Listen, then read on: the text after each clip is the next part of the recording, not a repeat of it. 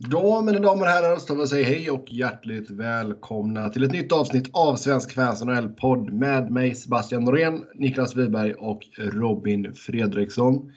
Det blir eh, mestadels fokus på det stundande slutspelet idag som sätter igång om bara ett par dagar när vi spelar in detta. Så på onsdag så drar det äntligen igång. Eh, som ni kanske hör så är jag lite förkyld, men eh, jag krigar på. Det är så i slutspelet, man kör på. Har du köpt någon playoff merch ännu? Nej. Det blir nog ingenting med det. Varför inte det? Nej, det är om, eh, om Carolina går till final så köper jag. Då lovar jag köpa en... Bunch eh, of jerks tror jag. Ja, exakt. Om man gör en Bunch of Jerks Stanley Cup final tisha då köper jag en sån. Det, det kan jag garantera. Men vi ska även ta en titt på de senaste nyheterna. För det har faktiskt hänt en del grejer här i dagarna sedan vi senast talades vid. Mycket på tränarfronten. Och sen ska vi även ta upp era lyssnarfrågor som har lite stort tack till er som har skrivit in. Och jag tänkte Niklas, vi kan väl dra det också. Om folk inte har Twitter och de vill skicka in frågor, då kan vi bara läsa upp din e-mail snabbt. Jaha, niklas.weiberg.svenskafans.com Så, så där har ni det. Så vill ni skicka in frågor via mail så går det bra också. Får man posta brev om man vill? Det hade varit mäktigt. Hem till Niklas. Ja, kanske kontoret räcker kanske. Det har varit Ja. coolt. Vad är adressen till Niklas? Yes, först ut så har vi ett kontrakt. Det är Jay Bowmeister i St. Louis. Ettårsförlängning, 3,25 miljoner.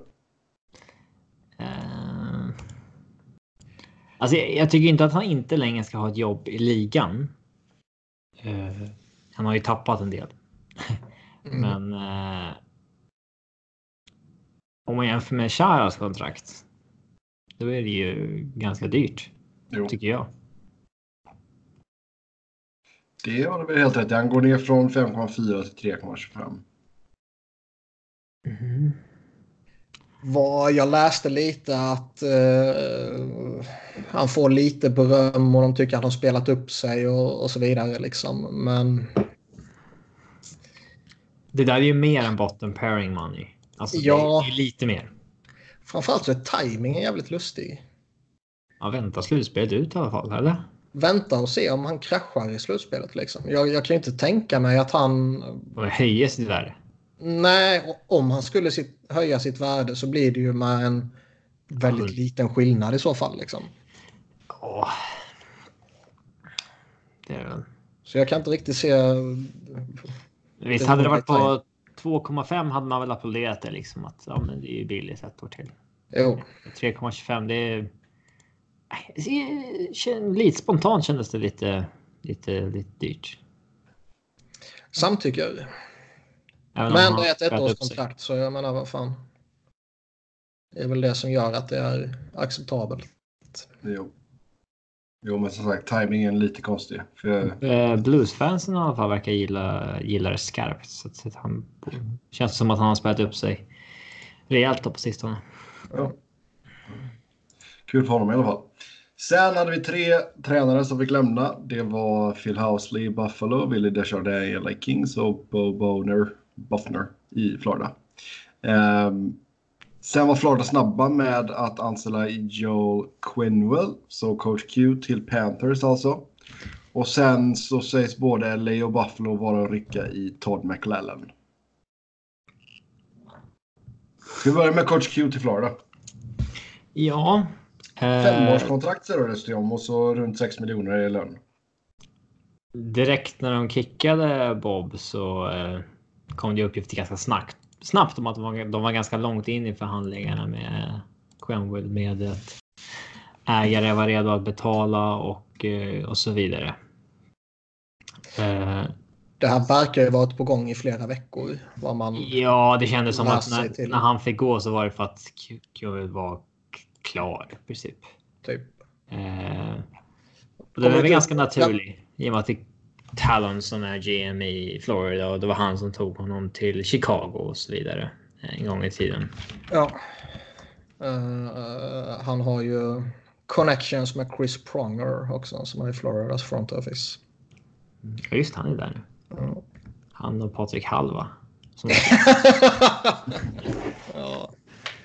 Jag bara väntar på att han ska bjuda hem honom till Växjö för att hänga med dem. Mm. Tycker man. Men hur, hur ser ni, alltså det är en så bra statement av Florida att få in Q som var den hetaste tränaren på marknaden. Jag är så jävla arg. Aj. Aj. Å ena sidan så ser jag givetvis alla logiska argument till att eh, Florida är ett attraktivt Naturligare val. Och det finns eh, liksom naturliga kopplingar och det är ett bra val och bla bla bla. Varmt och inkomstskatt och så vidare. Ja. Och han, hans bästa kompis eh, jobbar redan där och så vidare och så vidare. Å andra sidan så tappar man, och när jag säger man så menar jag ju såklart Flyers, en supercoach till fucking jävla Florida. Mm. Det Alltså, lite olika rapporter om hur... eh, hur hårt man har gått efter honom. Ja, å ena sidan finns det ju det här snacket som kom i...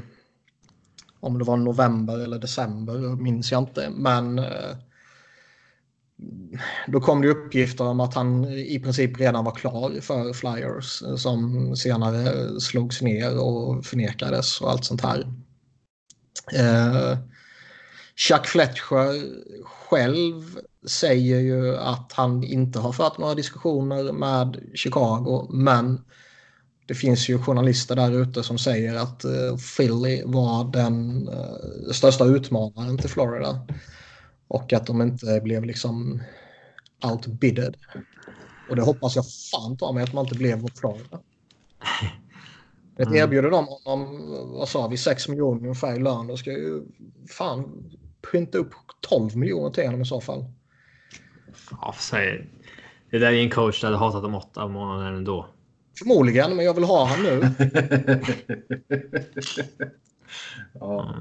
Jag är liksom, å ena sidan så ser jag allt jävla logiskt med att han väljer Florida och jag tror det är ett jätteattraktivt jobb att ta där för en sån som Q. Men Eh, känslan men- kan ju vara att eh, Q har ju varit tillgänglig ett halvår och känslan är att om Flyers hade verkligen gått all in på honom tidigare så hade det nog kanske blivit av.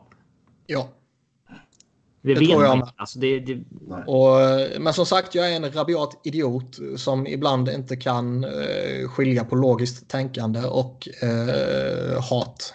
Det är bra att du erkänner det i alla fall. Ja, det är jag Eh, först att göra. Men hur- eh, alltså ska, ska man bara snacka Florida så tror jag han är eh, han kliver in i ett eh, väldigt spännande jobb.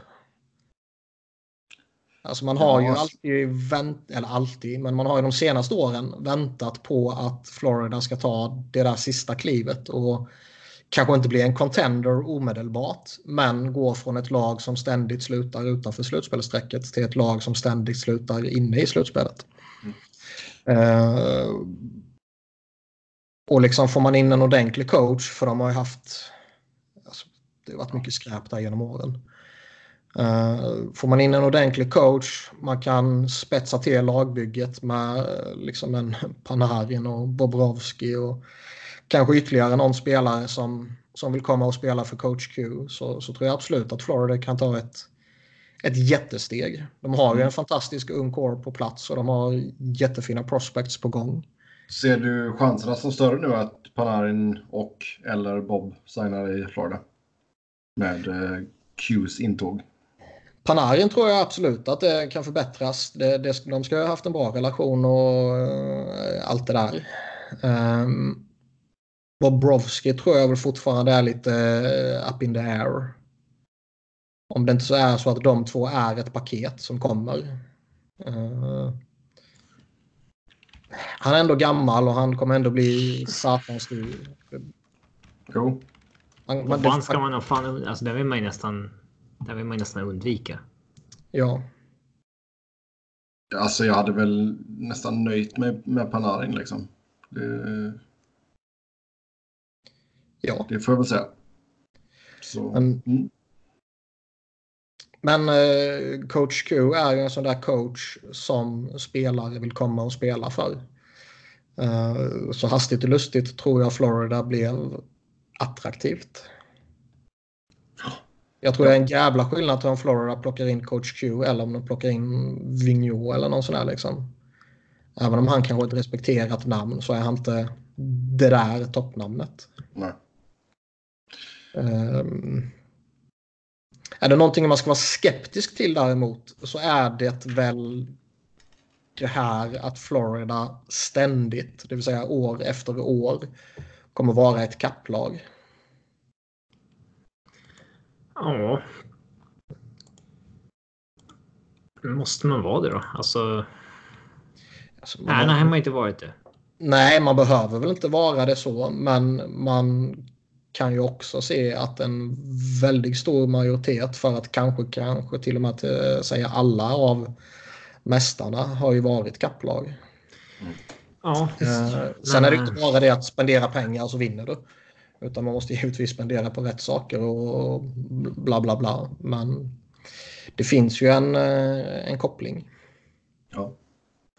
ja. Vad gillar vi mustaschen på Floridas logga som de ändrar? Det var lite roligt tycker jag. Det måste man ju spela på när man gör klart. Ja, det tycker jag. Jag tycker ändå så fortfarande han ser ut som en äldre version av eh, vad är det, Daniel Day-Lewis karaktär i Gangs of New York. Eh, nu måste jag tänka efter hur fan han ser ut. Den är väl ändå inte lik. Jo, det skulle kunna vara hans farsa typ. Nej. Jo. Quenneville är 60. Vad kan han vara i den filmen? 45? Helt annorlunda mustasch. Ja. Bra film i och för sig. Ja, det är det. Den borde, den borde vi fan haft med när vi snackade filmer. Gangs of New York. Fan vad bra den är. så- Jo, den är bra. Okej. Ja, den. Men inte så cool. Ja. Eh, sen då McLellan alltså. Huggsexa mellan LA och Buffalo. Mm, mm. Det ska väl sägas också om Florida att det här Ja. är ju förmodligen utan att kunna all deras historia så är ju det här förmodligen deras absolut viktigaste utnämning. Ja, det är det väl.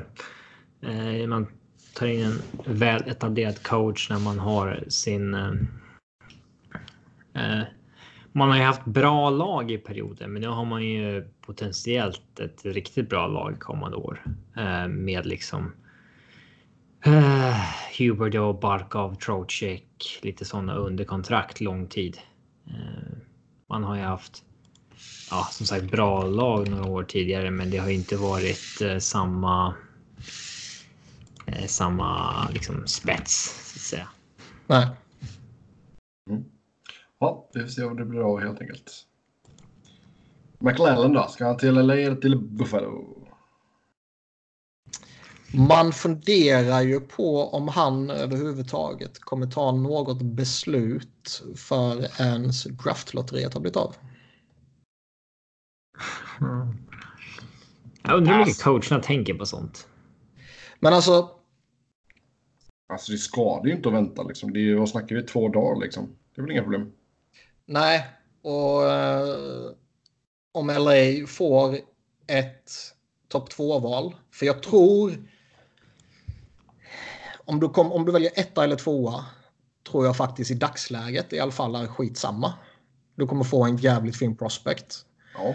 Eh, sen om fem år kanske det visar sig att Jack Hughes var en dunderflopp. Eh, men liksom idag tror, tror jag att det spelar mindre roll om du väljer etta eller tvåa. Eh, skulle man däremot trilla utanför topp två, vilket det ju finns trots allt stora möjligheter för. Eller risk, Risk. beroende på Risk heter det. vilka, vilka ögon man tittar på. Ja.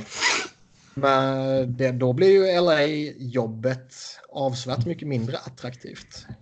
För Ja, visst, det- de har Kopitar och de har Dowdy och de har Jeff Carter som idag bekräftade att han inte ska sluta. Mm.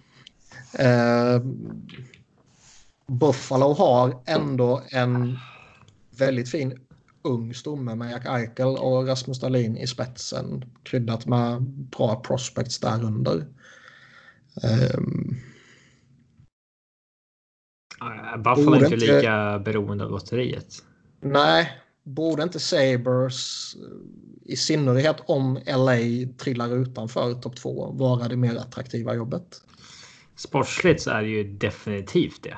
Alltså Ja. oavsett vad som händer i draftlotteriet egentligen. Däremot bor jag ju hellre i Los Angeles.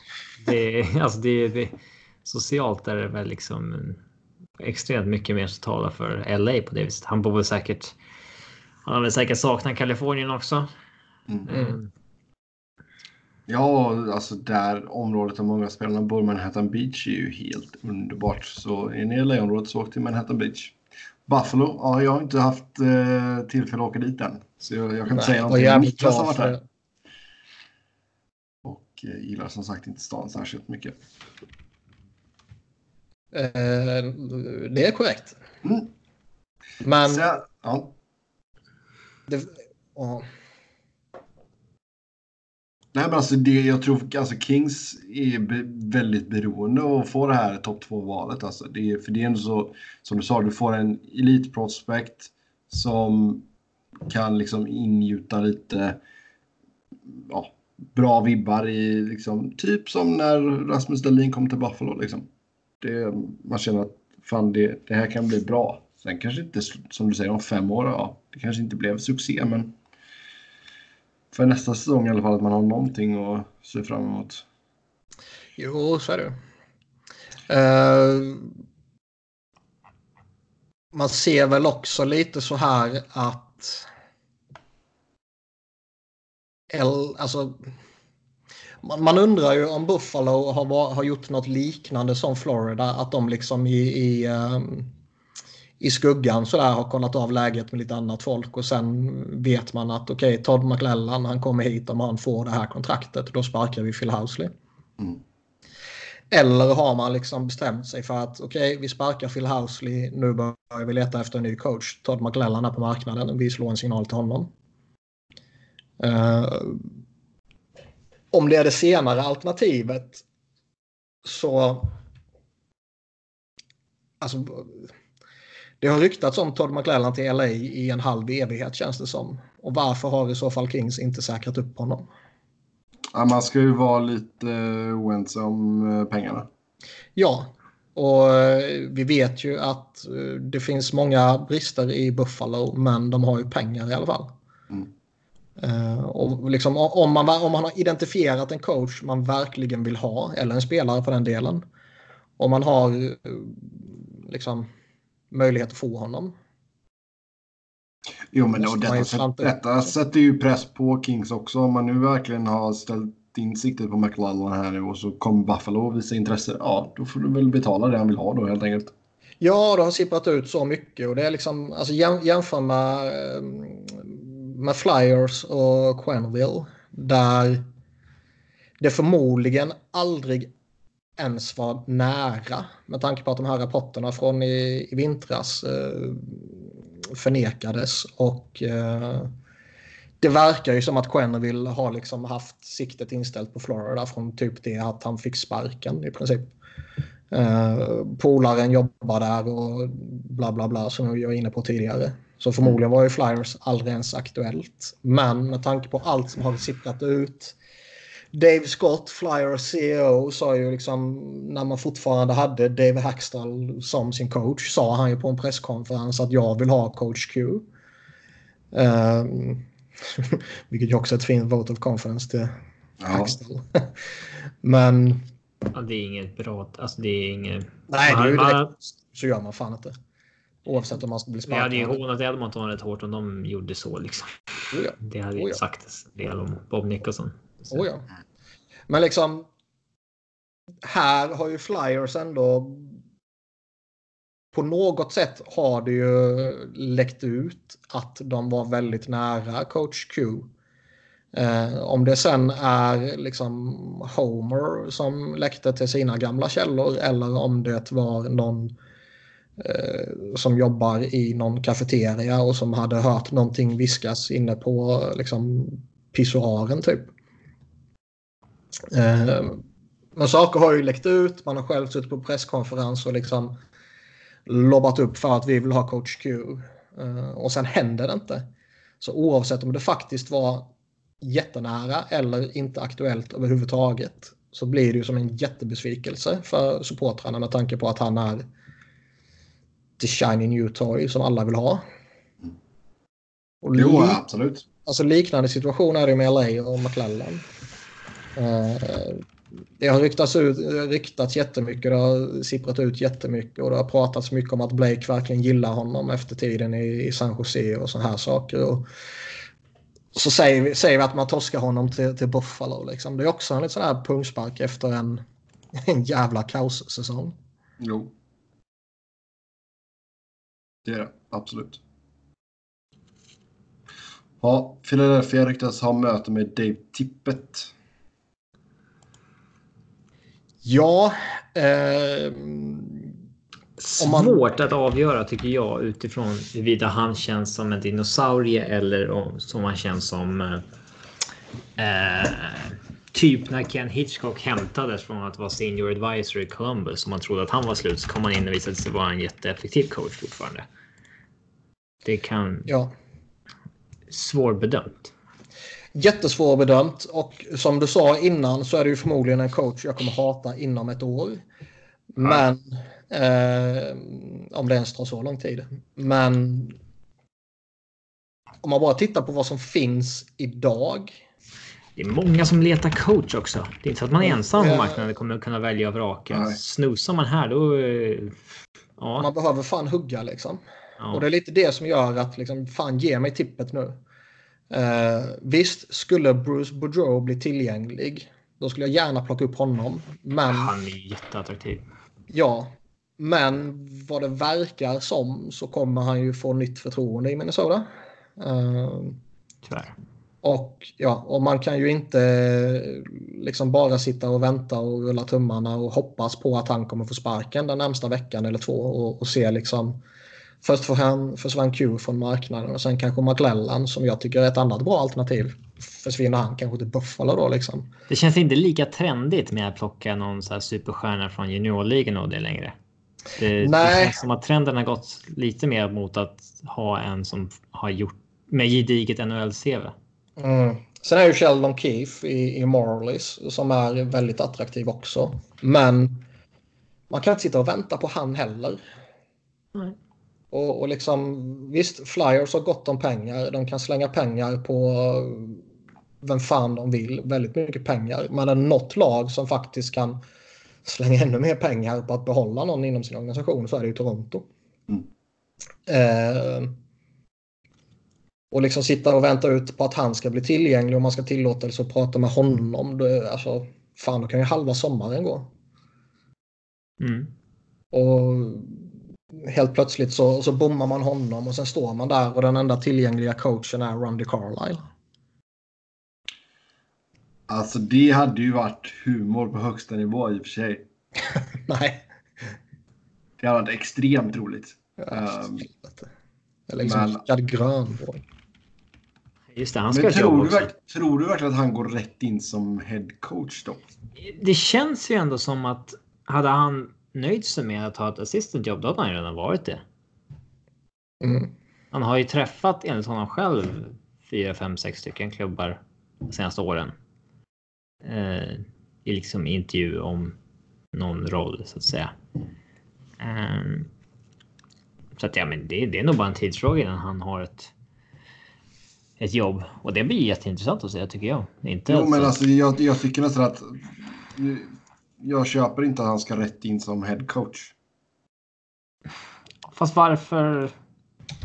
Varför inte? Nej, alltså, om, du, bara- nej, men om du bara ser på det rent historiskt sett med europeiska coacher. Liksom. Vill han in Ja, i ligan då vi- tror jag att det är bättre för honom att ta ett assi- assisterande jobb först. Bättre för honom? Alltså kan han få ett headcoach-jobb så är väl det bättre för honom? Eller? Har man möjlighet att knipa ett headcoach-jobb eh, som är ett jävligt attraktivt, förmodligen det mest attraktiva jobbet som finns om du är hockeycoach. Eh, det finns bara 31 sådana jobb. Så, och, vi, och vi vet att det är liksom... Har man väl kommit in i den här jävla karusellen då, då, då kommer man stanna inne i karusellen väldigt länge. Ja, Men det kan vara rätt svårt att ta sig dit. Har man Oh, då ja. möjlighet att, att ta sig dit då, då tar man fan den chansen oavsett om det är... Eh, så du säger att han borde ta typ Ottawa? ja, Alltså ingen skulle ju klandra honom för att det går dåligt där. Alltså, går det dåligt där så, så, så rycker han på axlarna och liksom tittar på uh, Melnick och Hans, allt. hans, hans personlighet är ju väldigt mycket head coach också. Ja. Alltså det, det är svårt att... Jag, jag har svårt att se honom i en assisterande roll. Eh, Okej, men att han får ta ett lag i AHL då? ja, det tror jag nog han hade kunnat göra för länge sedan om han hade velat. Eh, Mm. nej, jag, han kanske gör Ja. fel som går och väntar på ett head coach jobb. Eller så kanske han inte gör det. Han kanske vill ta vad som helst men bara inte har fått Mm. något papp, alltså kontrakt på bordet. Men eh, jag, jag hoppas. Eh, jag hoppas att det sker. Ja, Det vore, tror- jag håller, jag håller Fan, med det har varit kul med en svensk huvudtränare. Absolut. Ja, det skiter jag i att det är svensk. Men det vore skoj att se någon eh, europé komma in liksom och, och få den platsen. grytan. Ja, jag vill bara inte se det i mitt lag. Jag är liksom... Jag är trött nu på att plocka in obeprövade. Du tror på exper- experimenten alltså? Ja, Efter ett experiment här i Hackstall. tre.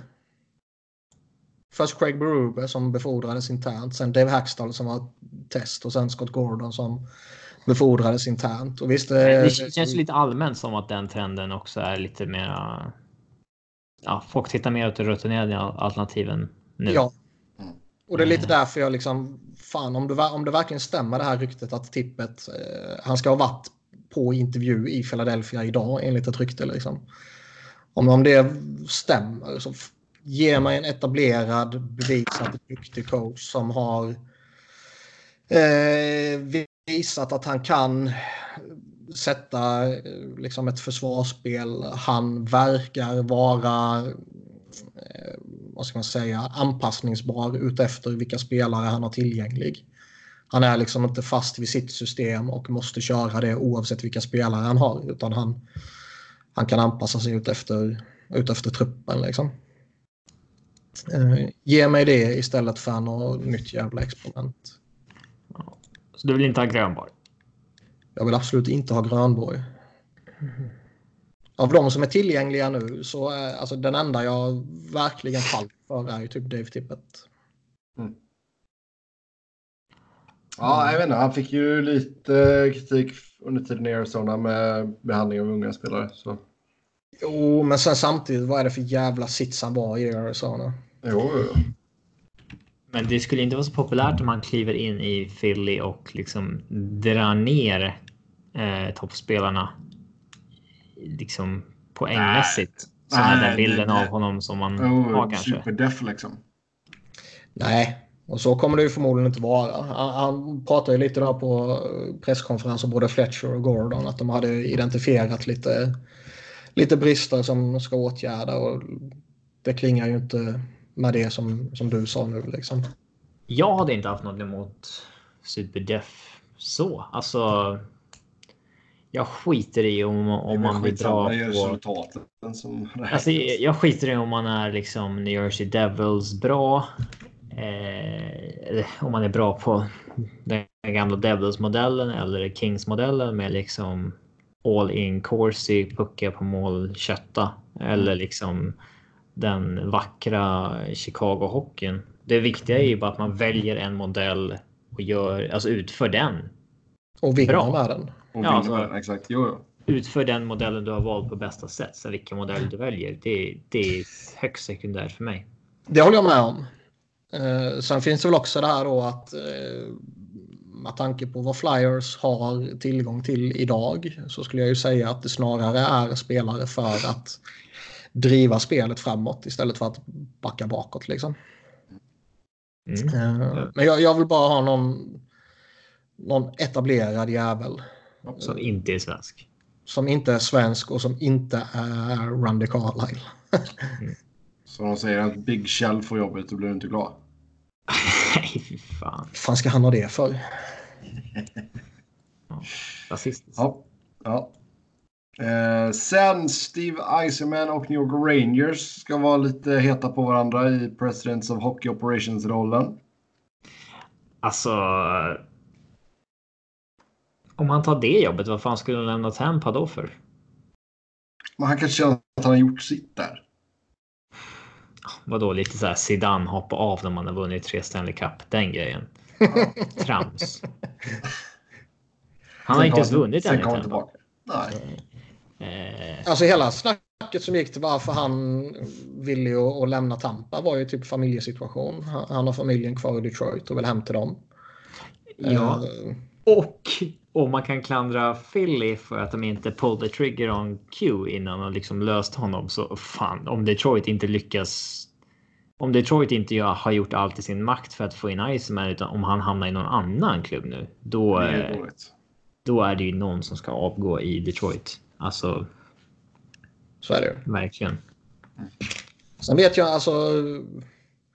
Visst, New York är ju avsevärt mycket närmare Detroit än vad Miami eller vad, förlåt, vad Tampa är. Mm. Men- Det är ett flyg på två timmar eller fyra. Det är, alltså, det är liksom ändå ett... eh, exakt. Det är ändå tillräckligt. Det är inte bara eh, liksom Det är inte buss. grannstad. New York, Philadelphia liksom som du tar dig via supersmidigt bara. Det är ändå lite avstånd sådär. Ja, verkligen. Men visst, Rangers kommer ju alltid vara superattraktiva. Eh, oavsett om du är coach, GM eller eh, ännu högre upp i hierarkin eller en spelare. Po- Poho-rollen. Power-rollen, ja. Bra förkortning alltså. Poho.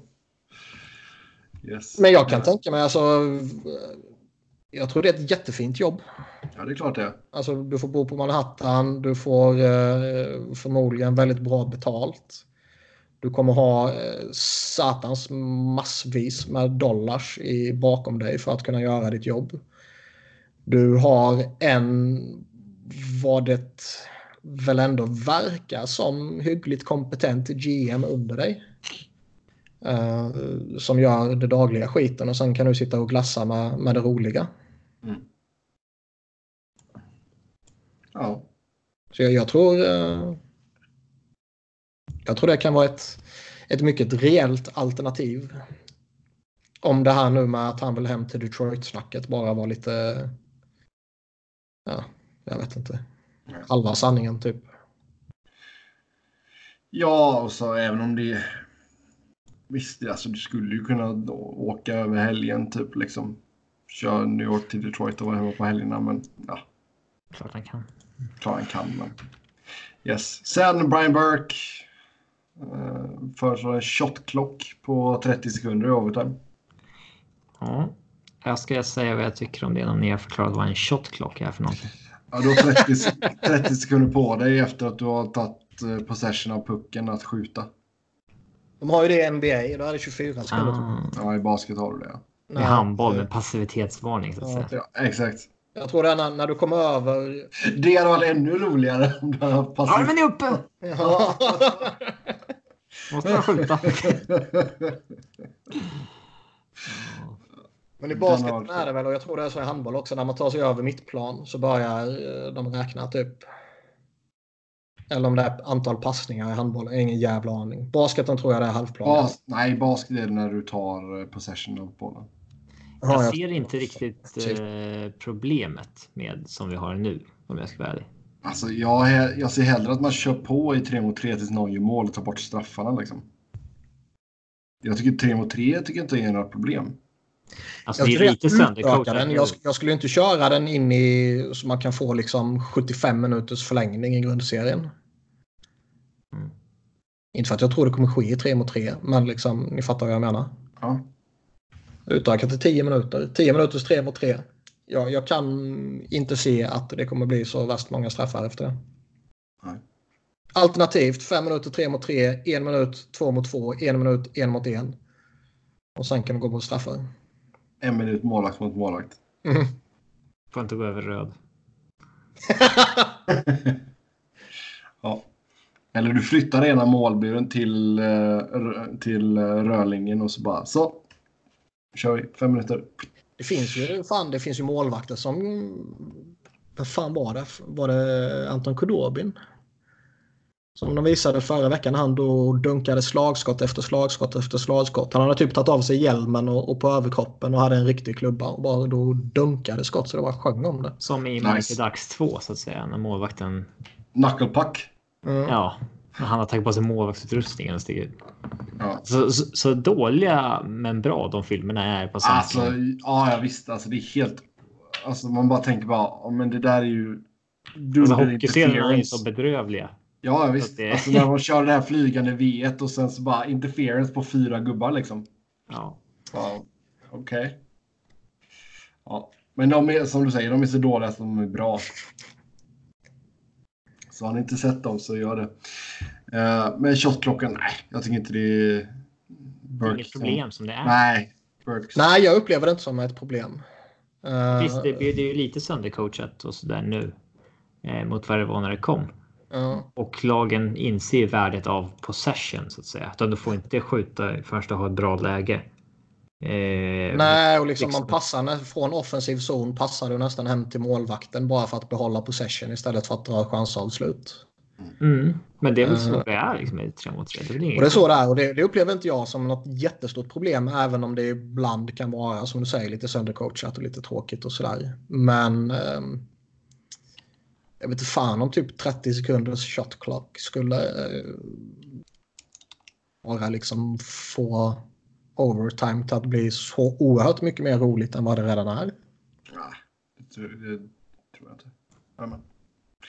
Ja, vi går vidare. Vill du säga några ord inför draftlotteriet? Går av stapeln här 9 april. Det skulle varit så mycket roligare om någon av er skulle varit Ottawa-supporter. Ja. ja. Då skulle jag suttit och skrattat här i, ja, då skulle jag suttit här och skrattat i typ sju minuter. Man saknar ju det gamla systemet nu när man var garanterad ett eller två. ja. Vad gillar ni i det faktum att det kommer vara en en, en timmas lång show? Detta? Det börjar klockan åtta lokal tid Eastern time. Vad blir det i svensk tid? Klockan två? De kommer ju köra i tre omgångar som jag fattade. Först så lottar de fram första valet. Och sen lottar de fram andra valet och sen lottar de fram tredje valet. Och sen bara sorteras resten in då 4 till 15. Uh, så det blir det... liksom att diskussion om första val först? Alltså... Ja. Men var, var det inte lite coolare när de gick baklänges? De ja. börjar med val 15. Och sen så liksom, jag kommer ihåg när Philadelphia hoppade upp där när de hade val 11 eller 12 liksom. Och när det är deras tur att, att komma upp och sen är det något annat jävla lag som kommer upp där. Och de här fyra sekunderna innan man liksom fattar vad fan Räknar det ut innebär. exakt vad det innebär. Ja. ja. De, de, Kill, de är liksom, det till lite. Ja, och sen så fattar man att fan de har hoppat in i, i topp tre och sen sitter man och, och liksom bara njuter fram till de har dragit fjärde valet och sen börjar man toksvettas liksom. Mm. Det, det, är ju sämsta året att hoppa upp sådär och Borg. Alltså. Ja, än så länge. ja. Ja, visst. Eh, Avs kom ju sist för några år sedan, men då droppade man ner till fyra. Det vore mm. ju lite eh, trist att göra samma sak igen, även om det inte är ens eget val så att allt är ju en bonus egentligen. Men. Eh... Uh, men vi kan, ska vi dra dem lite snabbt då? Så Colorado har ju Ottawas första val och Ottawa kom ju sist så 18,5 procent att få första valet. Eller 50,6 procent att få fjärde valet. Ja. Mm. Det är 50-50 med topp tre eller fyra helt enkelt. Ja. Mm. Kings har 13,5 procent att få första, Devils 11,5. Man kan gå ner så här äh, rätt långt. Canucks är liksom nia, men de har ändå 15 procents chans att landa topp tre. Mm. Mm. Eh, vilket lag är ligan mest, eh, vad heter det, villiga att manipulera draftlotteriet för tror jag. Alltså de vill ju säkert... Montreal, Chicago, Philadelphia eller Rangers. Ja, Detroit tror jag nog de skulle inte ha någonting emot ifall de fick ja, en sån superstar. De, men det känns som att det, det, måste ju vara någon sån här riktigt stor lag som har den där riktiga publiken bakom sig. Mm. Uh, alltså vinner Edmonton igen, man kan, då kan ju lägga ner det. Man kan ja. argumentera för vad som helst. De är väl jätte... De hade väl varit jävligt... Uh taggade på att alltså Arizona också till exempel. Jo. Eh, de är ju väldigt måna om att öppna nya marknader så att säga. Jo, absolut. Jag kan mig fan på att de jävla Florida kommer vinna. Först får de Q och sen vinner de draftlotteriet. Finns det något lag som man liksom vill se vinna? Alltså man kommer, förutom sitt eget. Alltså. Jag skulle bli lack över att se eh, alla de här vinna. Liksom. Ja, alltså alla utanför topp tre skulle bli lucky ifall de inte vann.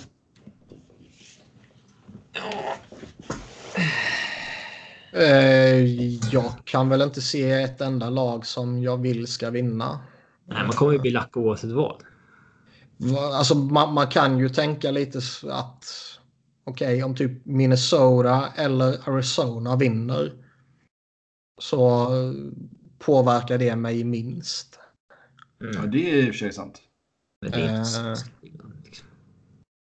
Nej, men jag menar liksom att ja, men pekta in Jack Hughes i något av de två lagen eller Kakko eller vad man nu vill. Det, det är liksom. Det påverkar inte mig jättemycket. De är ute i västra konferensen och man spelar dem någon enstaka gång bara. Liksom. Skitsamma, jag bryr mig inte om de två lagen.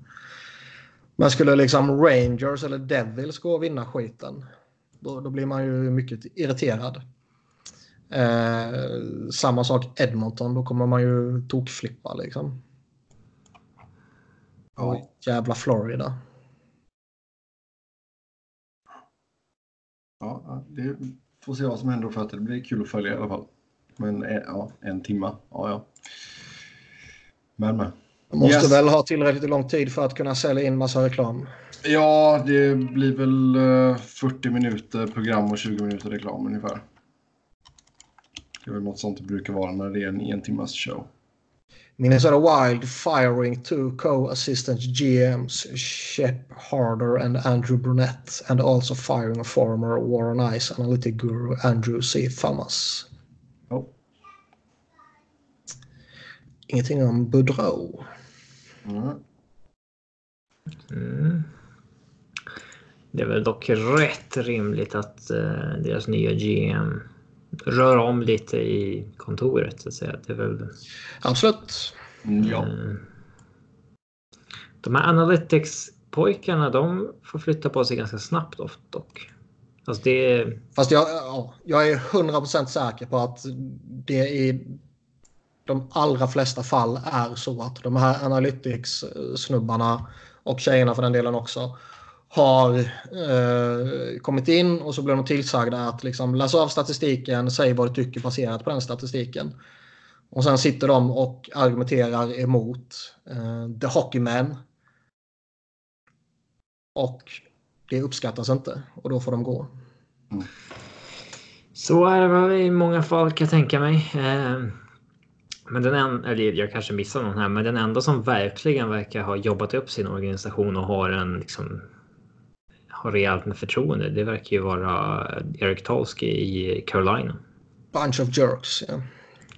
Ja, och där har ju dessutom skett en eh, förändring på GM-posten under hans tid. Visserligen Tom Modell som gick ner som, alltså från president till att han hade väl Ja.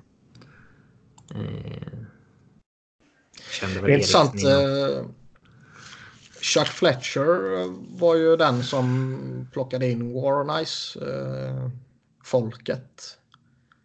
Så man undrar om han kan gå, gå efter dem igen. Kanske. Yes, vi glider in på slutspelet här nu. Vi ska gå igenom samtliga matchserier i första rundan. Först ut så har vi Tampa Bay mot Columbus. Tampa Bay dominerade ju i grundserien, plockade hem 128 poäng, tangerade Detroits vinstrekord, 62 vinster på två matcher. Nu går man upp mot Columbus som tog andra wildcard-platsen i Eastern efter att ha... Ja, det blir spännande på slutet. Det är väl NHL-guld eller bust. Ja, det får man väl. eh, NHL-guld. Ja. Ja, det, det, det är det väl. Det, det vore ju jäkligt. eh, Men hur är det för Tampa? Ja, det, Nej. Den var faktiskt lite rolig. Det Den var faktiskt bra. Den var faktiskt bra. Tack, tack, tack. Eller Jo, nej, men det är klart. den, var, den var så tråkig så att den blev rolig. Ja. Jo, men med tanke på hur bra man har varit i grundserien så visst, det är Stanley Cup eller bust för det här laget, absolut. Det är, är det den gyllene chansen man har nu? Om vi tittar på eh, lagbygget här nu. Och, Fan, det sa vi om Caps året innan de vann. Det här var Jo. liksom sista chansen. Nu försvann den och hamnade de i Cup. de, har, de kommer aldrig ha bättre odds än just nu. Så är det. Ehm, de Däremot- städar väl av Columbus ganska enkelt, tror vi, eller? Ja, det borde de göra. 4-1 Det- matcher kanske. Det enda jag kan se Columbus möjligtvis göra det är ju om Bobrovski bara prickar någon sån här superform som typ fyra målvakter i hela ligan kan göra. Mm, han har ju varit jävligt bra på slutet här. Ja, och han har ju en helvetes hög högsta nivå. Det, det är väl om han går in i någon sån här eh, övermänsklig zon och, och håller det i en handfull matcher. Det är väl enda scenariot jag kan se egentligen. Ehm, Det är ju en sån bra jävla matchup på målvaktssidan här. Med Bobrovski och Vasilevski. ja. Målvakt, eh, målvaktsduellen är ju alltid avgörande givetvis. Om din målvakt suger så kommer du förmodligen inte gå vidare. Så den är ju direkt avgörande. Men det är klart att det, det är en extra krydda här. På samma sätt som det är en extra krydda i typ Nashville, Dallas. Men visst, eh, visst kan ju Bobrovski göra match av det hela. Ja, det har jag precis sagt ju. Jo, men alltså jag, jag tror även, säg att Tampa skulle vinna med 4-1 i matcher som du säger där Robin. Jag tror fortfarande att det kan vara så att, ja, vi snackar att tre av de segrarna kanske är uddamålet liksom. Eller ja, kanske att det blir två med någon mål i öppen kasse, men det, det kan nog bli spännande i alla fall. Jag tror inte det blir någon sån här riktig kalasöverkörning, det tror jag inte. Det ska väl sägas också att eh, eventuellt finns det ju lite osäkerhet kring Viktor Hedman. Vilket eh, rimligtvis påverkar en del. Ja, han tränar idag i alla fall. Ja, men eh, vad ska det vara? En hjärnskakning verkar det som ju. Mm. Vilket ju man inte direkt vill ha på ligans kanske bästa back. Nej. Visst, nu tror jag givetvis att de kan ta sig förbi Columbus även om han skulle missa hela den här matchserien. Men ehm, det blir rimligtvis enklare med honom. Oh, ja. Mm. Men det är klart att Tampa... Eh, som sagt, NHL-guld eller bust. Ja. Sen Boston, Toronto. Ska vi inte tippa? Ja, vi sa ju 4-1 i matcher till Tampa. Ja, Robin. Sa vi. Ja, Eh, ja, jag kan väl stå vid 4-1. Det... prova i alla fall. Jag måste kolla vad jag... Jag har redan svarat på det här idag nämligen. Jag måste det. Kolla här. Vad jag skrev förut. Eh, Niklas, du kan säga ditt medan jag hittar mitt mejl här. Jag till med 4-0. Bara för att eh, då vet jag att det inte kommer bli så. Ja, väl lite för bra för att bli helt avställda, eller? ja, det tycker jag nog. 4-1 hade jag faktiskt skrivit. Boston mot Toronto då. Det här är ju en smaskig mumsbit. Ja, det här... eh, Det känns ju verkligen 50-50. Kan gå hur som helst. Um, Playoff-erfarna Boston mot eh, up and coming Leafs. Mm. Det här är den enda matchserien som jag genuint taggar igång på. Jag tycker det var rätt tråkiga matchserier i övrigt. Kanske, Sharks, Vegas kanske lite sådär. Uh, där ser man ju lite potential. Men så här på förhand så är det den. Mm. Vilket är lite tråkigt om det bara är en som man verkligen taggar igång på. Jag tror liksom Nashville-Dallas, jag tror den kan bli rätt underhållande. Jag tror Winnipeg St. Louis kan bli underhållande. Men Går man med Rask eller Halak? eh, Tucka. Tippa på det va? Nej, Halak har gjort 40 matcher i år. Ja. Däremot så kanske det, eh, man är redo att byta rätt kvickt. Mm. Jo, men det och det är väl samma. Vi kommer till den sen. Men det är väl samma läge för Islanders också. Eh, Att man har haft två bra målvakter. Fast det verkar man ha bestämt sig för Lener ju. Jo, men jag tror skulle han ha en jobbig match så blir det ju nog byte direkt där. Jo, så är det förmodligen. Mm. Men... Eh, Nej, jag, jag har stora förhoppningar på den här matchserien. Jag, jag Mm. tror den kan bli... Jag tror det kan vara en bra kombination av eh, liksom skills och eh, Grit. grit och eh, fanskap. Ja, fanskap, lite känslor. Marchand i ett slutspel. Kommer han slicka liksom någon man, i man, örat? man, man hatar ju honom passionerat men man vill ju ändå se honom flippa. Ja, visst. ur rent underhållningsvärde så länge det inte är mot ditt eget lag. Eh, och det Ja, vi- finns ju ändå spelare i båda lagen som kan liksom gneta till det. De är, alltså, det är enorma toppspelare som går upp mot varandra här. Ja. Marner, Tavares, Matthews, Kapanen, Nylander, Marlowe i liksom i livs mot Bostons erfarna dito med Bergeron, Marchand, Krejci, Pasternak. Det, det kan bli en riktig och det är inga dåliga. Alltså visst, Leafs har väl en svag backsida, men. Eh, i två i princip kompletta lag här som går upp mot varandra. Så det, det, ja, det blir en riktigt stökig serie hoppas man. Mm. Tror ni det kan finnas någon sån där risk? Man, man pratade ju lite om det förra året mellan eh, när Nashville och Winnipeg gick upp mot varandra. Att de slet ut varandra så hårt så att man inte orkade med nästa runda. Det finns ju lite sånt. Nej, jag tror det ligger lite i det. Och det, det finns ju lite sån potential i den här matchserien. Men första, första omgången, det, det kanske är ett, ett steg för tidigt så att säga. Kanske. Jag har sju matcher i den alla fall. Jag säger 4-3 till Toronto. Ja, Boston. senaste gången det gick till Game 7 mellan de här två lagen så blev det rätt underhållande va? Ja. Eh, och det här, som sagt, jag, jag är taggad på den här matchserien. Jag tror att eh, om man tittar ut över de andra matchserierna och liksom spånar om vilken Game 7 skulle vara mest underhållande så är det väl den här. Ja.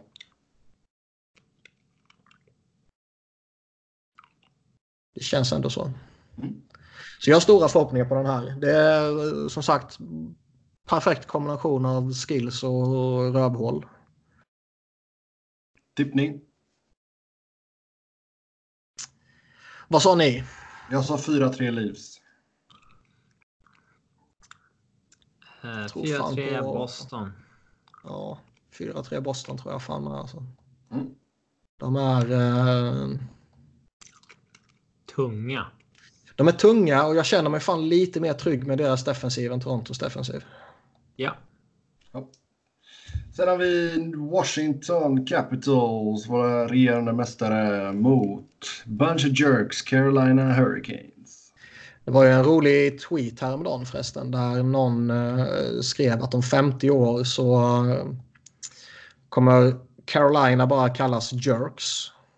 Och precis som Montreal kallas Habs så är det liksom ingen som riktigt vet anledningen till det. De bara vet att så är det. ja. Kanske. Jag tycker vi börjar kalla dem Jerks från och med nu. Om 50 år kommer folk ihåg Don Cherry då.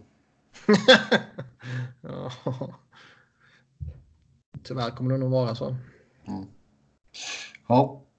Men starkt Carolina i alla fall har gått till slutspel. Det var ett tag sedan sist. Ja, och de har ju en tendens till att när de väl är i slutspel gå rätt långt. Ja. De tre senaste slutspelen de har varit i har det varit final, mästare och konferensfinal. Nu säger ju inte det ett skit eh, om nuvarande rosten och förutsättningar och så vidare. Men det är fan lite coolt ändå. En sån här jävla flora-organisation. Men de tre senaste gångerna så har de fan gått långt. Mm. Ja, Washington tycker jag ändå sett oförskämt bra ut som regerande mästare. Det var ingen baksmälla direkt.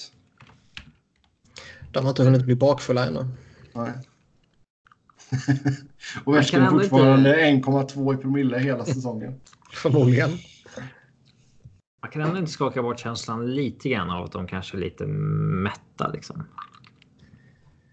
Jag tror det finns en god potential för en upset. Mm. Eh, Keynes är faktiskt rätt luriga och de har ju faktiskt eh, chockerande nog med tanke på att det är Peter Mrazek och Curtis McElhenney har de faktiskt fått ett bra målvaktsspel. Um, de har liksom försvaret som är stabilt. De har några väldigt fina spelare i, i forwardsbesättningen. Och Lyssna, man nu, skiner, nu skiner Niklas Homerism igenom här. Så. man, man, man vill ju se att uh, Justin Williams ändå gör någon nytta för dem. Mr mm. Game 7.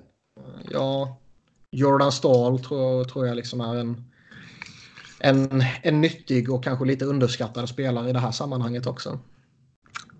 Men det är ändå övertag Cavs på forwardsuppsättningen, det får man säga. Spets och djup. Det är ju övertag Caps generellt. Även backsidan? Ja, där kanske det är mer jämnt. Men alltså om man tar helheten menar jag.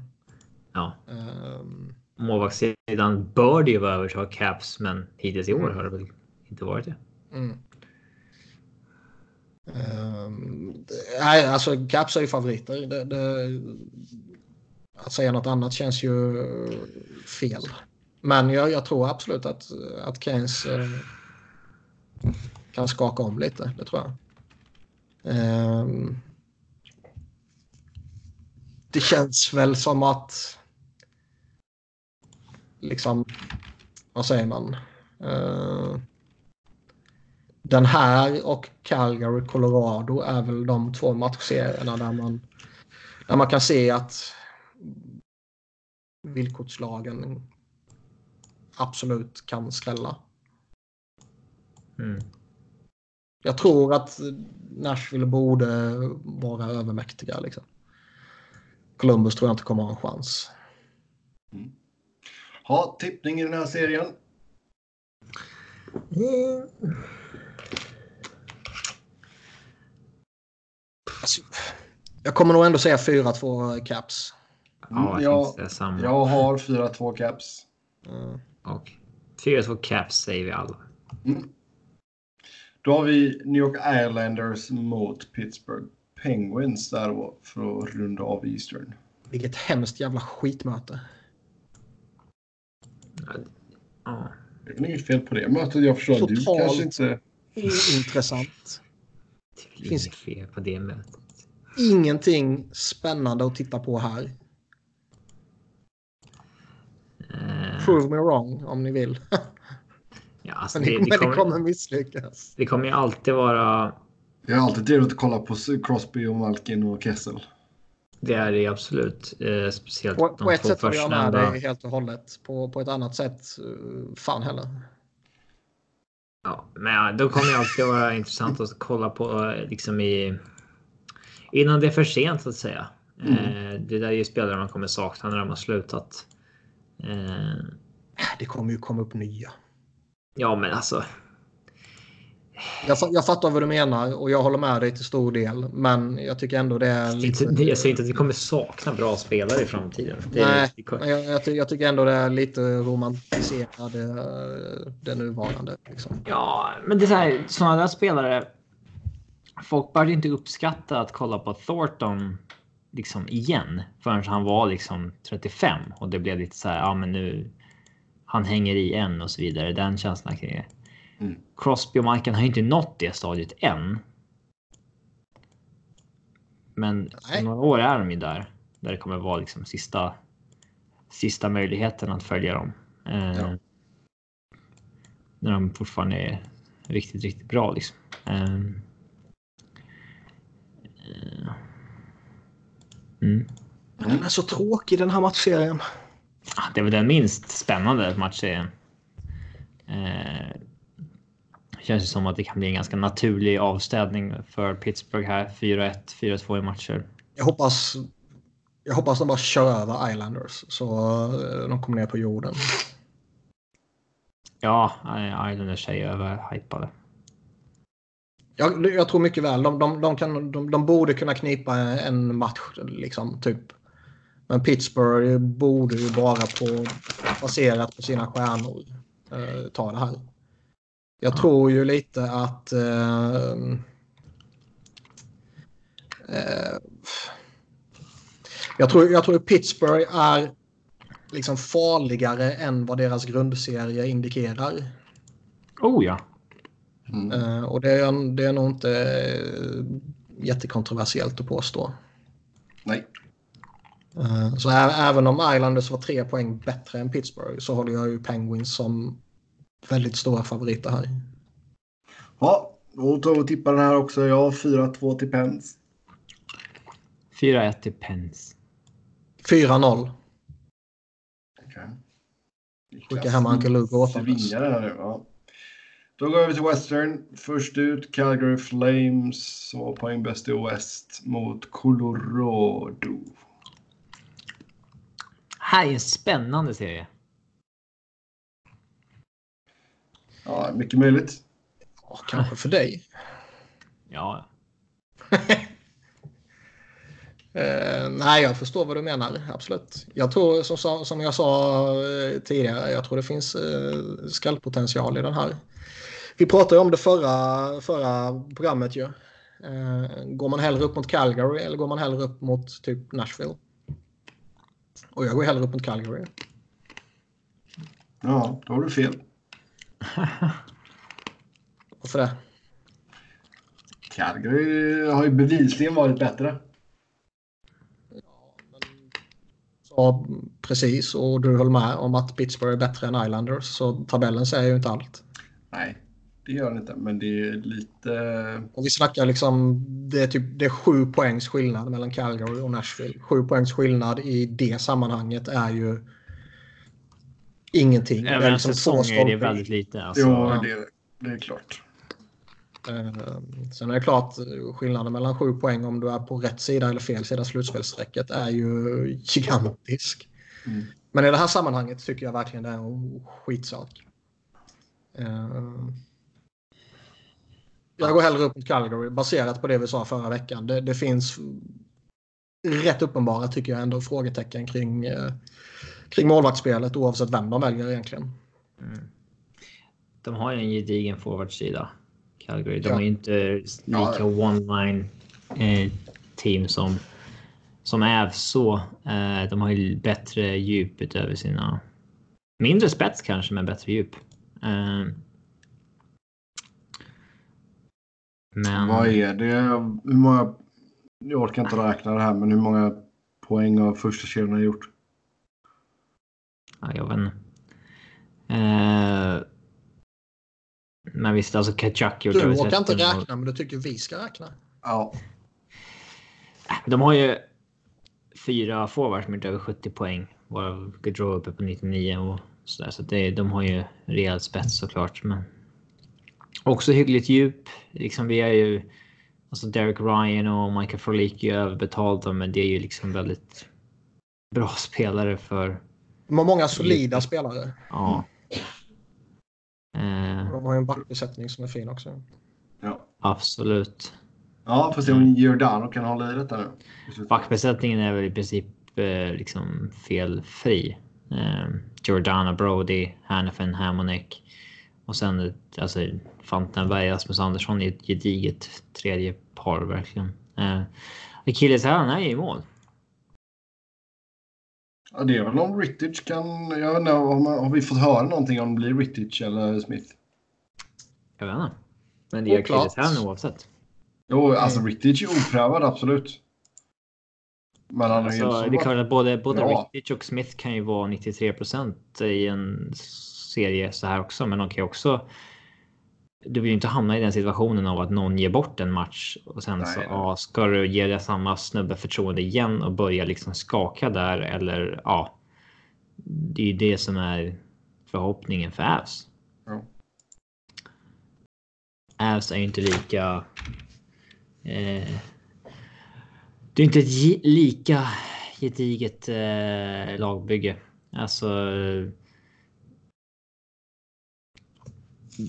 Det är fyra, fem, alltså de fyra, fem sämsta forwardsen i Avs lineup är ju klart sämre än de fyra, fem sämsta i Calgarys och backsidan är ju inte åt helvete mycket sämre, men den är väl liksom hacket sämre också.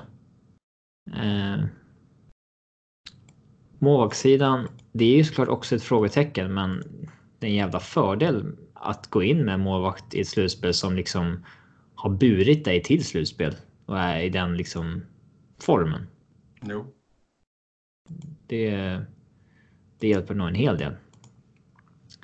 Eh, Landeskog har man ju fått tillbaka nu. Rantanen tränar i en non-contact jersey. Eh, så att det är väl. Jag skulle tippa på att han spelar match 1 eh, ändå kanske, men att träna i en non-contact jersey så här två dagar innan det drar igång. Det är kanske inte ett jättegott tecken. Nej. Eh, Nej. Men skulle jag säga någonting så skulle jag väl säga att jag, jag tror i alla fall att Flames bör väl gå med Rittich va? vet inte. Har inte Smith varit deras liksom ändå nummer Nej. ett? Rittich har ju spelat 45 matcher. Och han har ju bättre siffror också än Smith.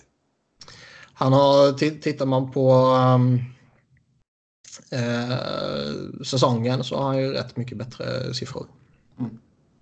Ja, men Men det känns också som att det här sånt här läge där liksom man går in i slutspelet, man har rätt stora krav på sig. Nej, fan, vi väljer veteranen. ja. Det är ju inte, vore ju inte chockerande. Så här utifrån. Mm. Nej, det verkar vara ganska många som frågar, frågar sig samma fråga. Jag gjorde en snabb liten search på Twitter. Ja, det verkar inte gå ut något officiellt med hur de, Nej, hur de väljer. så vi får Så se att, eh, Avs coach Bednar sa i en intervju idag att eh, det här ska vi vinna. Eh, och han försöker väl skicka, skicka bud. Alltså, I fjol var det ju så här wow, de tog sig till slutspel efter katastrofsäsongen innan. Nu vill man ju skicka budskapet att ja, men man är inte nöjda med att bara vara där längre utan liksom det. Ska man fan kunna göra lite noise. Eh, och det kan jag väl tycka. Det vore ju. äh, Det var, det var en besvikelse om man blev liksom enkelt avställd. Mm. Det är första gången sedan eh, eh, innan Sen sen innan lockouten som man eh, har gått slutspel två år i rad. Mm. Ja, tippning.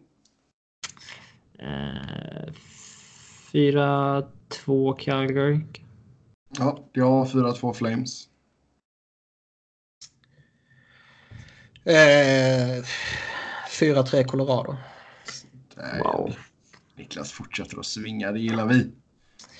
Det måste ju ske någon upset i någon serie.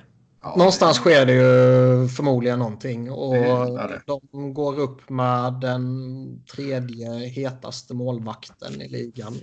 Liksom. De har ju toppspelarna som kan tända på alla cylindrar en serie och liksom fixa det. Ja, får man igång sina tre stjärnor där samtidigt som typ Barry växlar upp och, och liksom Grobar håller i vad han har visat sista månaden här så kan man absolut ta sig förbi Calgary. Ja, Jag tror Calgary är en, jag, jag tror de absolut kan vara en seriös utmanare till kuppen.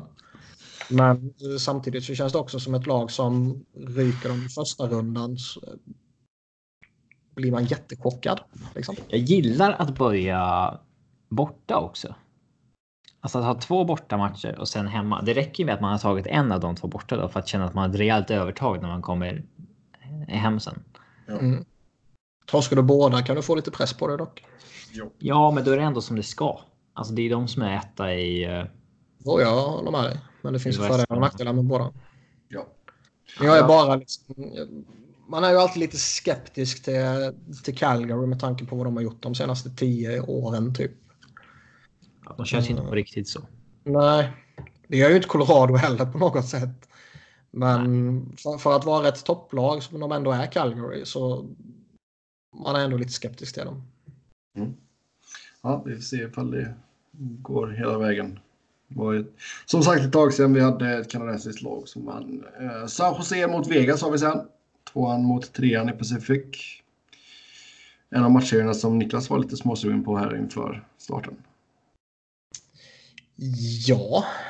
Eh, Sharks är man väl givetvis av fullt uppenbara saker jättesugen på se. Eh, de har ett sjukt komplett lag om man inte räknar med målvakterna. Ja, den är jobbig. Kan vara en akilleshäl. Ja. Det är liksom ligans sämsta målvaktsspel de har fått denna säsongen. 89,68. Och ändå har de tagit sig komfortabelt slutspel. 89,68 save percentage i 5 mot 5. Det är liksom sämst i ligan. Och eh, som Robin sa, man tar sig komfortabelt till slutspel. Eh, man tar ändå en andra plats som kan vara viktig liksom. Och man Får tillbaka till Karlsson nu. Jag kan får tillbaka Erik Karlsson nu. Och man har en eh, riktigt fin backbesättning och man har en riktigt fin forwardsbesättning. Får man bara... Alltså man har ju sett genom åren att man behöver inte superöverjävligt fantastiskt eh, målvaktsspel för att vinna eller för att gå långt. Du behöver average. Vad sa du? Du behöver average eller lite över average. Nej, man behöver bra målvaktsspel, men du behöver inte överjävligt. Eh, de har inte fått bra målvaktsspel denna säsongen, så det är ju en jätterelevant eller ett jätterelevant frågetecken. Eh, och är det någonting som kan sänka dem så är det ju om målvakterna fortsätter slänga in puckar. Mm. Ja, vi såg ju, alltså vi har sett att Mark-André Fleury fortfarande kan hålla väldigt hög klass också. Ja, nu kommer han nyligen tillbaka också, vilket de förmodligen är eh, lite glada över. Mm. Och liksom Vegas, de har en fantastisk topp 6. Överskattas inte deras säsong lite? De har liksom tre poäng mer än Colorado. Jo, jag håller med dig. Eh, men deras topp 6 är jättefin. Jag tycker fortfarande det finns... Ingen som Jätte- 60 poäng. Nej, men det är ändå sex jävligt bra spelare. Ja. Jag tycker eh, djupet på forwardsbesättningen är väl lite sådär. Liksom. Eh, Jag tycker försvaret fortfarande är eh, jättekonstigt. Det är en del som är liksom ohållbart bra. Alltså Ja. så här. Det ska inte. Det ska inte funka att spela Derek England och Nick Holden och alltså. I så stora roller som de har gjort. Nej, verkligen inte. Och eh, det är väl ett bevis på att de har ett bra målvaktsspel och att de är välcoachade. Ja. Um, för Fleury är ju fortfarande en väldigt duktig målvakt. Ehm, men det är, det är svårt att veta vad man har Vegas. Liksom. Deras topp 6, alltså, de kan ju trasa sönder Martin Jones. Stone och Stastny och Pacioretty och allt vad det är. Liksom. Ehm, Bill Bill. Ja, samtidigt kan ju liksom Sharks forwardsbesättning kan ju mycket väl ha lekstuga med Vegas försvar. Ja. Och, och som sagt, de, de har väl ett i det närmaste komplett lag, San Jose, om man räknar bort målvakterna. Det är väl den där supercentern som saknas. Men alla har inte en sån. Alltså, Alla har inte en sån, men väldigt många som vinner har en tendens till att ha en sån. Mm. Eh, annars är ju Sharks en, eh, en väldigt seriös utmanare om, om cupen. Om de bara får ordning på sitt jävla målvaktsspel. ja. Ja, sen har vi en, eller tippa i den också ska vi göra. 4-3 Sharks. Ah, 4-2 säger jag. 4-2 Sharks. 4-1 kanske. 4-1 Sharks. Okej. Okay. Sen eh, Vegas sveper Sharks här nu. Sen har vi Nashville mot Dallas.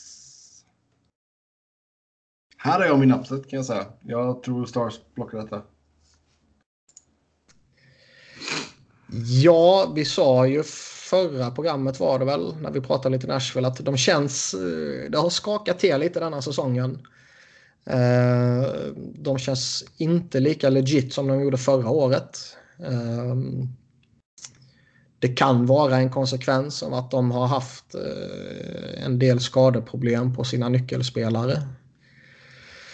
Och de har haft eh, Forsberg, Arvidsson, Kyle Turris och PK Subban är det väl som alla har missat eh, relativt lång tid under grundserien här. Och det påverkar ju de bästa av lagen. Liksom. Mm, Arvidsson ändå så imponerande säsong eh, i grundserien. Ja, det var ju nytt klubbrekord med 34 baljor. Så.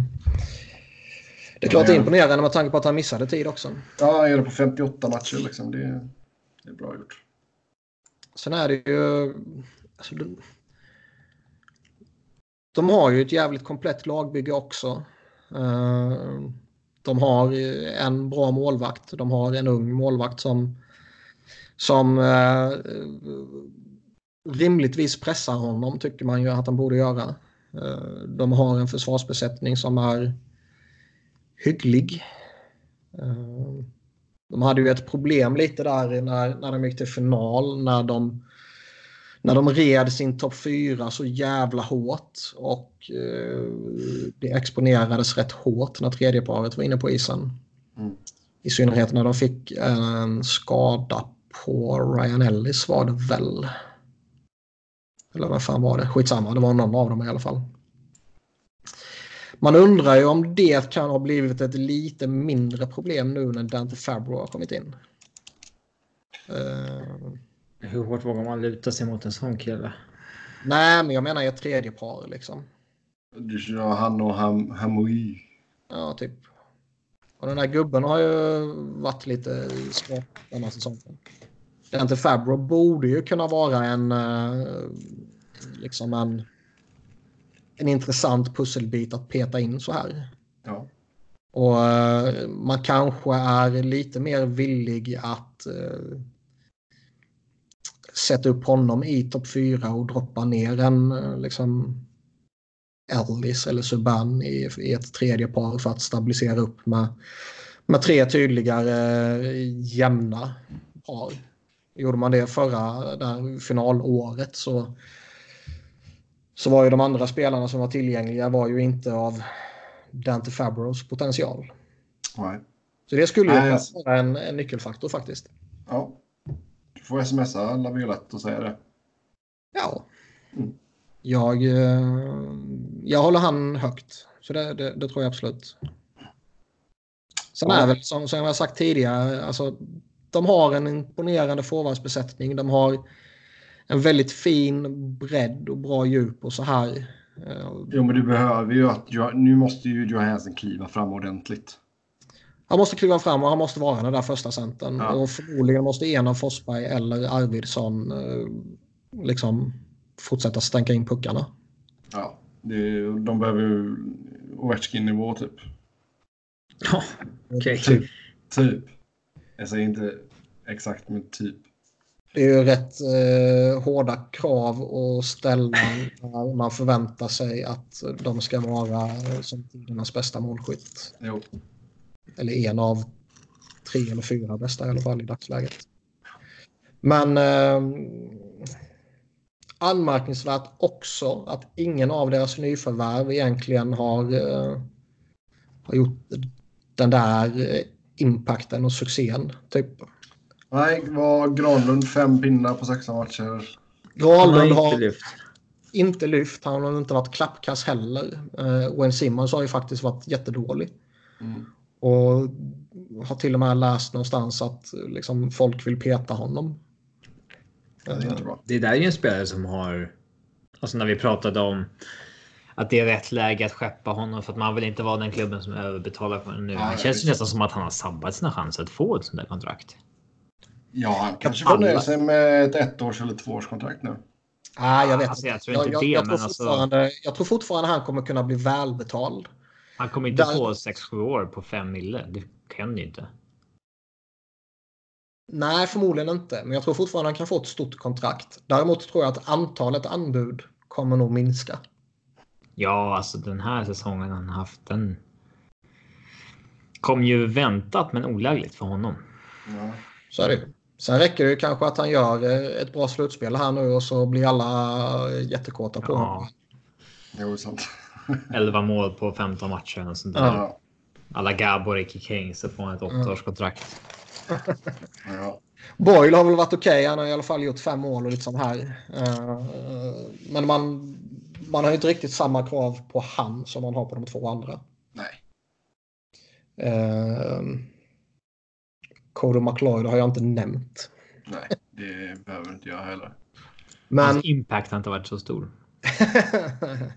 Eller har den varit jättestor? Ja, Dallas avslutade ganska fint här ändå.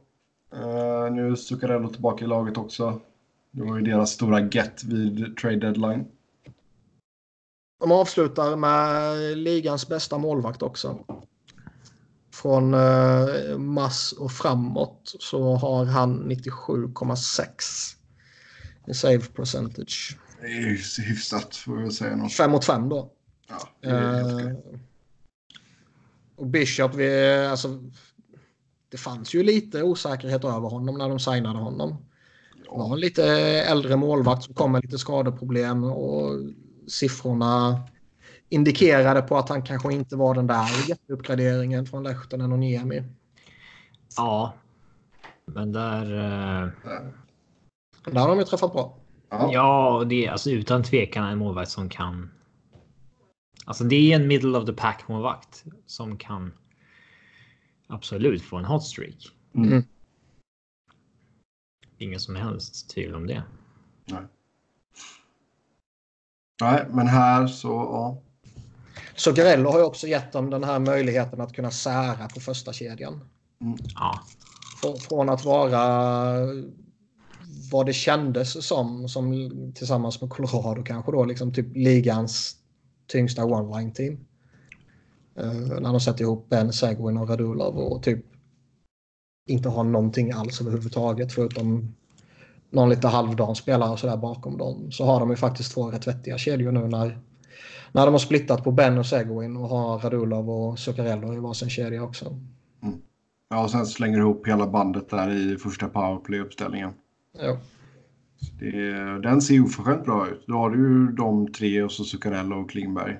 Eh, där tror jag nog att Dallas har eh, ett potentiellt framgångsrecept där med sina special teams. har spetsar ett slutspel i sig kvar. Alltså där han ändå kan växla upp. Det hade väl varit kul ifall han hade det. Men man ska inte ha några jätteförväntningar på honom. Det känns ju som en spelare som då måste få förtroendet också. Mm. Få den rollen i PP. Och så Ja, jag tänkte säga det. det kommer Kommer han... inte ske. Nej. Han har... Eh, fan, jag kollar hans gamelog nu alltså. Den är eh, inte vacker. Det är många nollor. Mm. Ehm. sen är alltså... Visst, jag håller med dig det du säger om deras PP och allt sånt här. Men du styr inte om du får PP eller inte. Det är liksom, förmodligen kommer du få det, men du kommer också kunna spela matcher där du inte kommer få några powerplay eller du kommer få väldigt eh, få. Mm. Och att då leva på ditt powerplay är ju alltid en, en jätterisk, säger jag. Vis av erfarenhet från eh, ett Flyers som i många år var ett powerplay-lag. Absolut. Nej, sen blir det spännande att se Miro Heiskanen här också. Se ifall han kan fortsätta på den inslagna vägen. Var ju väldigt bra under grundserien. Ja, jag är jättehög på honom. Jag, jag tycker det är en fantastisk spelare.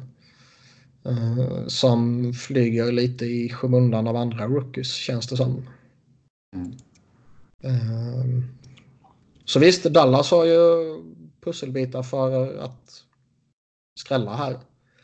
Bishop som sagt går in jätteformtoppad.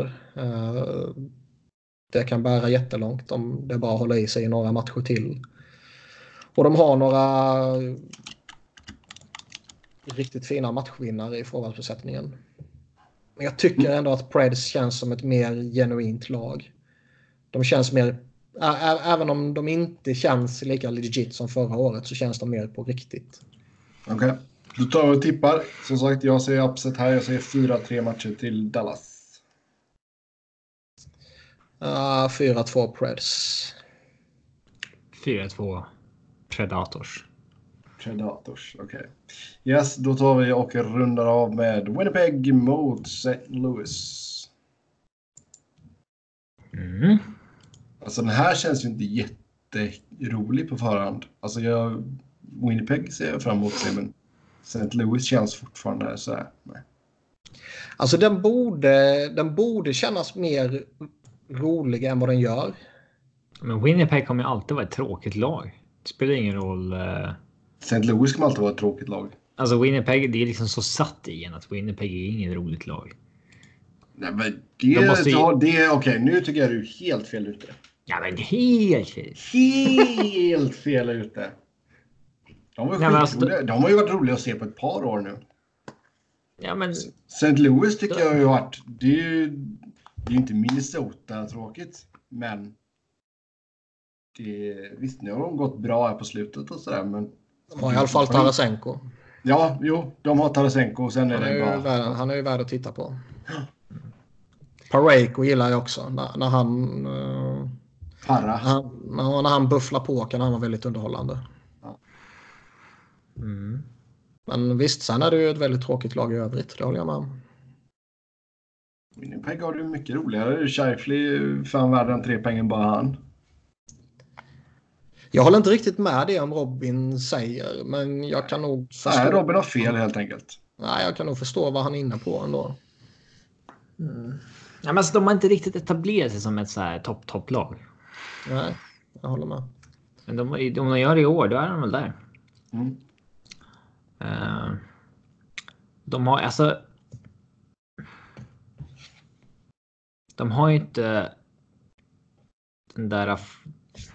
Alltså visst, Scheifly, det är en första center såklart. Line ligger och bubblar och så vidare, men de har inte den där riktiga fixstjärnan som är superkul att kolla på. Du kanske tycker att Scheifly är en sån, men... Eh, ja, det tycker jag.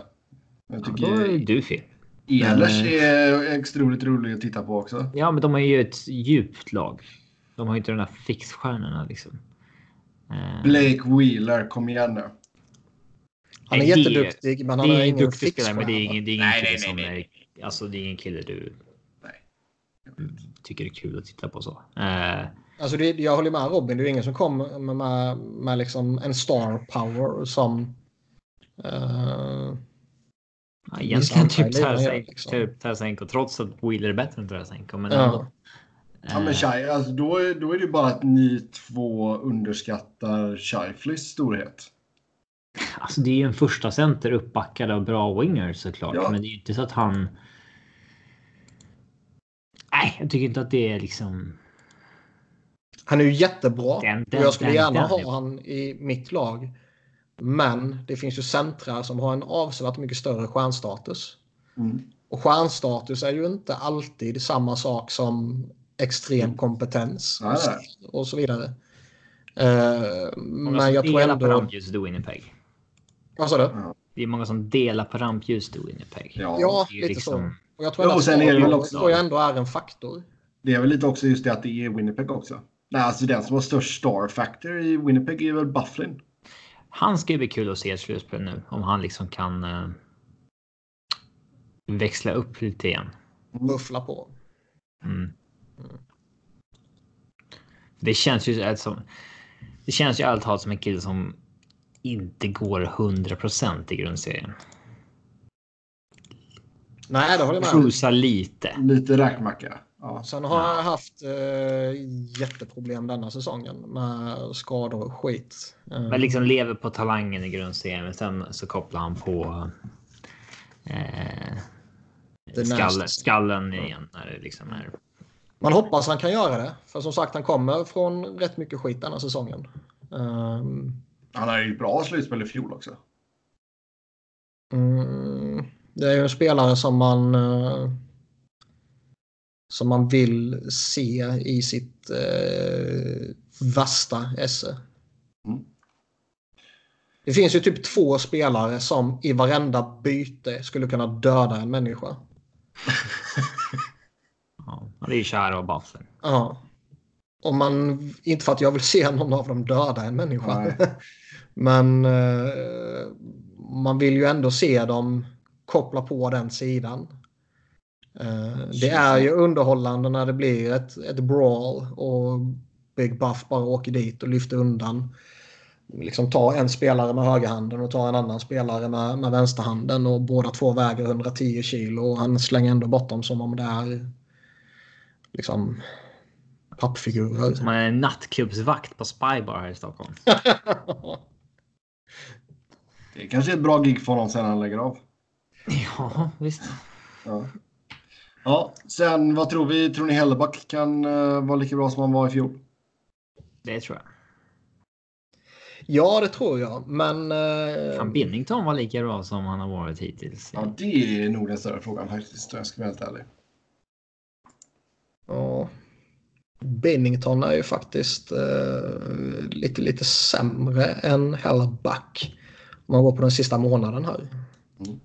Börjar han plana ut? Men det är fortfarande typ hamburglar-status på Binnington. Liksom. Ja, han har gjort en sjuk säsong. Det är klart han ska få all cred i världen vad som än händer i slutspelet. Eh, förmodligen är de väl inte i slutspel om det inte är för honom. Hans kontrakt går ut. Det blir intressant att se vad de landar på där. Mm.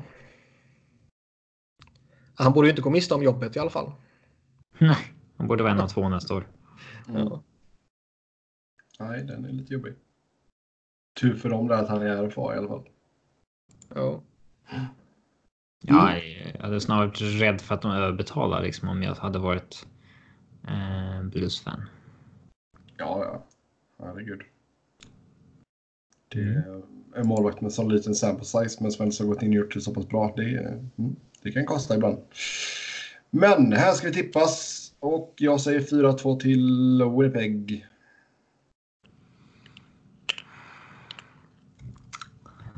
4-0 Winnipeg. Svep. Uh, det är ändå lite sticka ut hakan. Ja, det ska bli svep någonstans. Ja, men det har jag redan sagt mina ju. Två stycken. Fast jag har redan glömt vilka. Ja, Tampa och... Pens var det nog va? Eh, ja det tror jag. Så du svep? Ja. Ehm, ja, mitt svep är här. nej, jag säger 4-3 Jets. Mm. Jag tror Blues kan pressa lite. Yes, eh, lyssnarfråga här då. Har ni några storylines ni vill se i slutspelet? Alltså, Joe Thornton har vi ju snackat om. Det skulle vara kul om han gjorde fyra mål i Game 7. Ehm, alltså, det hade varit så jäkla magiskt. Speciellt, säg att det fjärde målet kommer. Det får gärna komma i övertid också i Game 7. Då måste han ju göra det. Nej, men jag hade aldrig gjort det. Ja, det kommer ju inte ske, men Nej. alltså... Fan, man, man, vill, man vill ju se det. Inte för att jag nödvändigtvis är så fascinerad i, i hans... eh, får vi han- äntligen veta om smeknamnet Jumbo kommer från något annat eller om det är, eh, om det är för att han är lång. Ja. Men eh, ja. Nej, det, det, det, skulle, det skulle vara rätt underbart faktiskt. Nej, men det, det är väl en sån där som man hade kunnat unna att han skulle få vinna. Det är fan den enda. Ja, det är dens tur nu så att säga. Efter att Kessel vann i, i, i Pittsburgh där och efter att Ovechkin vann i, i eh, Caps. ja, extra. Så är han den nästa som liksom, hockeyvärlden i stort hoppas på. Hockeyvärlden är ofta fel, men ehm, här delar jag ju den uppfattningen. Ja. Nej, jag vet inte. Alltså, är ni sugna på att ett kanadensiskt lag ska gå långt? Eller till och med vinna? jag, nej, jag, kan tycker inte, det är skitskoj. jag tyckte att det var jättekul här om året när liksom inget kanadensiskt lag gick till slutspel. För Mm. det är ju liksom att det skapar liksom lite Jaha, känsla över hela Ja, visst. Ja, det blir kaos uppe i norr hos oss. här Då. Ja, nyhetstorka på TSN och så vidare. Eh, Jag ser ju eh, liksom en betydelse i att de kanadensiska lagen går bra. Att hävda något annat, att, att det liksom inte är en viktig faktor, det tror jag är... ja, men hur viktigt är det? Alltså det... Men hur viktigt kan, kan man ju argumentera fram och tillbaka. Eh, jag tror dock att några slagkraftiga kanadensiska lag tror jag är direkt gynnsamt i, i det stora hela. Liksom. Eh, jag tror det är viktigt att Toronto är där uppe och, och slåss. Liksom. Jag, jag tror som jag sagt tidigare att det är viktigt att Montreal är där uppe och slåss. Eh, Alltså, rent får- historiskt så ska ju Toronto, om man tror, vara bra lag. Alltså Ja. liksom det... Jo, men det förvånar mig inte ifall Boston-Toronto-serien har överlägset bäst tittarsiffror i första rundan. det- Finns det någon annan matchserie som kan konkurrera med den matchserien? Toronto Nej. hade ju haft bäst tittarsiffror oavsett vilka de hade mött. Ja, antagligen. Ja, 100 Så jag, procent. så jag tror om de går 100% långt så är det bra. Så att. Ja, jag tror det är, det är bra om de går långt från den, från den aspekten. Liksom. Sen alltså. Calgary, det, det, är en, det är en underskattad hockeymarknad också tror jag. Ute i det stora. Bara för att de har varit vad de har varit de senaste tio åren. Det är en stor hockeymarknad. Eh, Mm. Alltså sist de gick till... Sist de gick långt. Ja, de hade ju ett PDO-år här för några år sedan när de inte var bra på riktigt utan det var så här. Ja, Jiri Hoodley tände på alla cylindrar och så vidare. Eh, och de gick långt. Ja, just det. Eh, Giriga. Men sist de var bra på riktigt och gick långt som fan i slutspelet. Det var ju liksom där i finalen mot ehm, eh, Tampa. Då som var det ju liksom. Det var ju så här. Iginla gör ju ett mål varannat match i det slutspelet. 22 poäng på 26 matcher, men efter honom. Eh, bara skräp. Det är helt sjukt att det laget gick till slutspel. Marcus Nilsson var ju den forwarden som hade näst mest speltid av alla. Eh, eh, Flames forwards. Ja, ja det, är- det är ju det jag har sagt varenda jävla år. Skulle Flyers bara tagit sig förbi Tampa. Skulle man inte fått den här jävla skadeskiten i backarna så skulle man ju kört över Flames. Ja. Om inte om fanns hade Avs gått väldigt långt varje år också. Nej. Yes. Ja, vi tar och Det är glider jag in. fan fortfarande Ja. arg på. Det är bra. Jag gillar när du är bitter. Eh, vi glider in på lyssnarfrågorna. Som vanligt stort tack för er som har skrivit in. Nu. Vad, så. eh, Ja. Eh, eh, vad tänkte jag säga? Ja, du. Eh,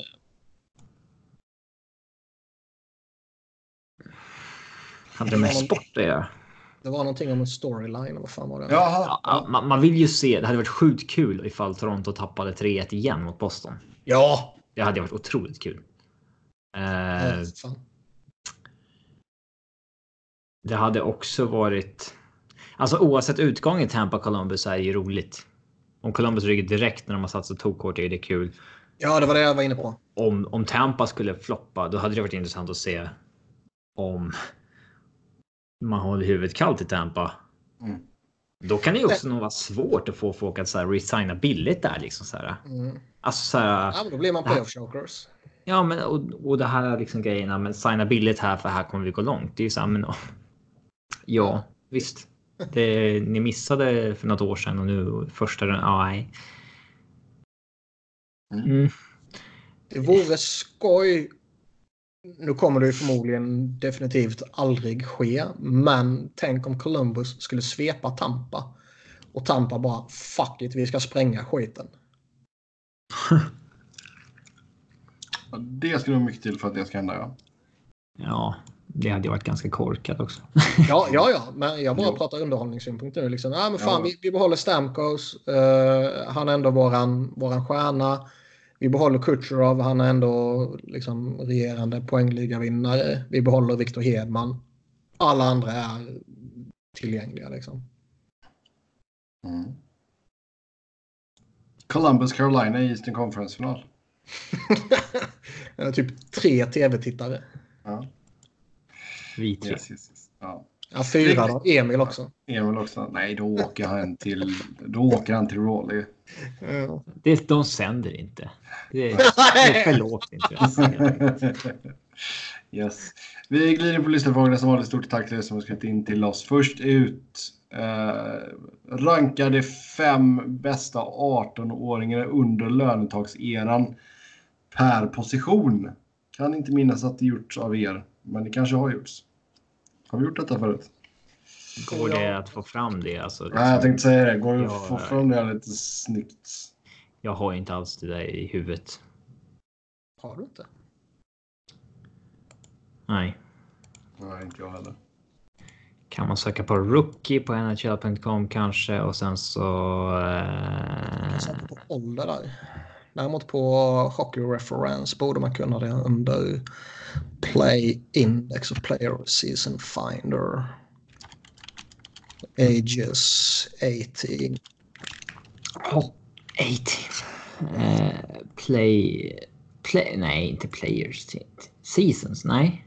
Play Index och sen går du in på Player Season Finder. Och sen kan du search for single seasons. Och sen väljer du eh, fan är du någonstans nu? Hockey Reference. Jo, jag är också där inne. Och sen i topp, toppmenyn Play Index. 18 to Ah. 18 eller? Ja, Play Index. Och sen Player Season Finder. Där ja. Ja, Och sen så Search for single seasons. ja och så är Age. Och sen är det bara att fylla i där. Seasons, Annie to Annie, Ages 18.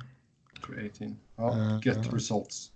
Sen är det bara att köra sort by Ja. points typ. Okej, vilken position börjar vi med? Uh, ska vi börja med forwards? Eller ska vi köra centrar, left wingers, right wingers? Eh, jag glömde sortera efter säsonger. För annars får man ju fram sjuka jävla grejer från, vad sa han, lönetagseran. Mm. Jaha, lönetaxering. Helvete. Eh, Vad börjar vi med? Eh, målvakt.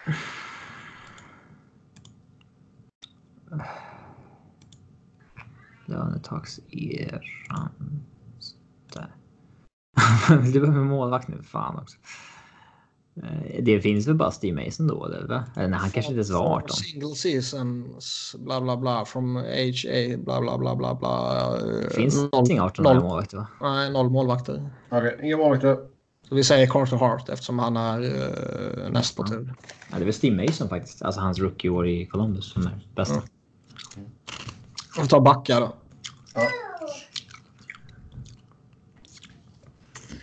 Nummer ett points-wise är ju Rasmus Dahlin. Eh, Och nummer två är Aaron Ekblad. jag ska säga det finns bara fyra backar som har spelat en säsong som 18-åringar. Och sen Nikita Sadov som gjort en match. Nej, Sju. sju. Förlåt, det var mål. Eh, Vad sa vi nu? Dalin, Ekblad Chychrun och Bogosian är de enda som har spelat en säsong som 18-åringar. Och Bogosian. Det säger kanske en del när vissa kanske det finns kanske någon där ute som är halvbesviken på Rasmus Dahlins första säsong. Eh, Ja, då har man ju fel. ja, jag Varför tittar du på mig för? titta på. Ja, så vi har bara fyra där då helt enkelt. Ja, och det är väl helt klart. Alltså, Aaron Eckblads första, första säsong var ju väldigt. Eh, den var ju väldigt imponerande såklart, men Mm. Eh, det Dahlin har gjort sin första säsong är väldigt bra och väldigt underskattat. Ja. Här ser vi hur sällsynt det är. ja. Och här är det väl faktiskt, eh, ska vi ranka de fem bästa så är det väl i den fallande ordningen som de faktiskt gjorde poängen. Ja, Dahlin etta, Ekblad tvåa, Chychrun trea, Bogosian fyra och sen. ah, man kan ju inte rangordna Nej, nej, nej. Sadorov, Sergachev och Shillingtons en, fyra och sju matcher. Ja, forwards då. Vad börjar vi med då? Ja, Men har vi en så vi kan få ihop till... Det är klart vi har. Så jag börjar med cent- center. Hur många left wingers har du då? Men det märker vi. Vi har sju helvetes massa forwards. Okej. Centrar. Uh, Sidney Crosby var rätt så okej. Okay. Ja. McKinnon var rätt så OK också. Ja. Stamkos. Mm. Line. Vi pratar centra nu. Ja, oh, sorry. Uh, ja, Nuge. Det finns inga left-wingers som ni vet. Nej, det var det jag såg också. Det finns Evander Kane. Som står som center. Ja. Ja, Hockey Reference är inte så bra på det med. Nej. Alex Galchenyuk kan vi säga är left-winger också. Ja, det kan vi göra. Ryan O'Reilly kan vi säga är left-winger också. Ja, okej. Okay. Ja, visst. Alexander Barkov kan vi säga var left-winger också. Nej. Undrar varför Landeskog inte med här. Han kanske hade fyllt, ja, han fyllde 19 i november. Började säsongen som 18-åring i oktober. Ja. Ja. Och så har vi Fast är det ju en, en jätteöverlägsen etta. Sen är, är det ju lite typ... McKinnon sätter jag som klar tvåa. Sen är det ju en, en toss-up typ. Mm. Stamkos, Stahl, Stamkos. Eugene Hopkins. Kotkaniemi måste man faktiskt nämna. Ja. Jag tror att det var lite enklare att göra något sånt här direkt efter lockouten än vad det är idag. Möjligt. Det, nu kanske man minns helt jävla åt helvete, vilket alltid är en högst eh, stor möjlighet. Men de slog ner rätt hårt på, på regelboken där efter lockouten. Och det känns som att det sakta men säkert för varje säsong eh, tummas mer och mer på den igen. Så det känns som att det är lite svårare idag än vad det var då. Mm. Ja. Som sagt, det mycket väl vara som man bara minns fel. Vad sa vi på eh, left-wingers? Du sa att vi skulle använda... Ja, massa andra spelare.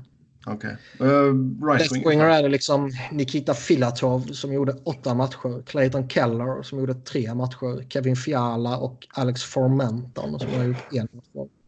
Det är sjukt få som just spelar vid 18 års ålder en säsong. Mm. Right-wingers har vi...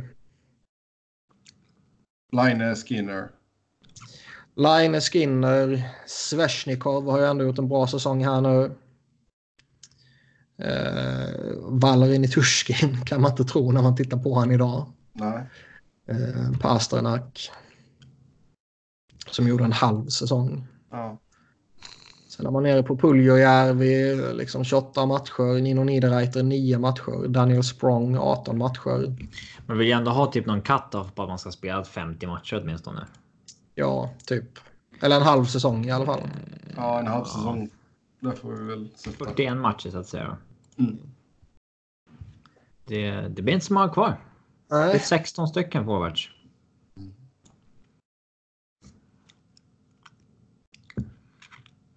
Mm. Alltså, man ser ju otroligt sällsynt ändå att någon spelar vid 18 års ålder. Det, det kanske man ska tänka på när man tror att ens första val från draften kommer gå rätt in i NHL för att den är väldigt hypad eller så.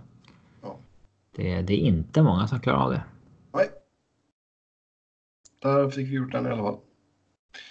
Sen... Mm. Den har bara stått på körschemat i typ tre månader. Ja. Sen har vi en annan fråga som vi ska fortsätta spara. Så tar vi den här då. Alltid intressant att fundera kring en McDavid-trade om Edmonton nu fortsätter att, pres att prestera. Ifall Edmonton nu fortsätter att prestera och sköta klubben dåligt.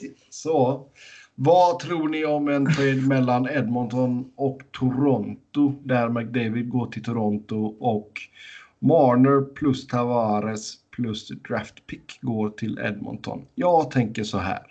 Om vi först utgår från att Marner kostar runt 9 10 miljoner per år. I och med traden får Toronto mer löneutrymme för att kunna ta in en back. Och det får en sjukt bra centerduo i McDavid och Matthews. Funkar ju Pittsburgh med två leftarstjärnor på centerplatsen. Edmonton gör sig av med en missnöjd McDavid men får in mer bredd i form av Tavares, Marner och draftpick. En riktig fantasy trade men tycker ni den är intressant? Vore kul om ni diskuterar den i podden.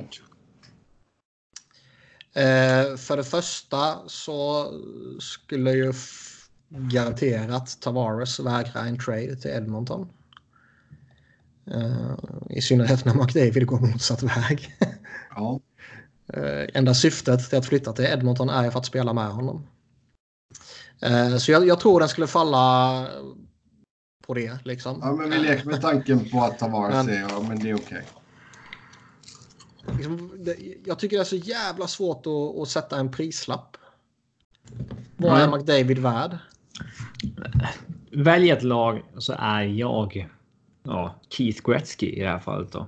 Försök pitcha vad du skulle kunna erbjuda till mig. Mm. Ska vi se. Det kommer ju inte gå igenom vad den blir egentligen. Nej, men tycker ni att det är alltså om vi, om vi säger att ingen spelar har någonting att säga till om här. Tycker ni så att skulle Marner, Tavares och ett första rundsval vara tillräckligt?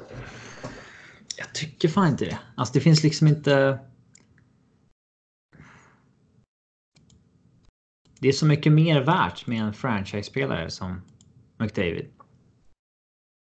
Han är ju mer en alltså Tavares är ju en franchise-spelare. Ja. Eh, McDavid är ju alltså den här generationens bästa. Ja, på, ett, på ett sätt som typ ingen annan är.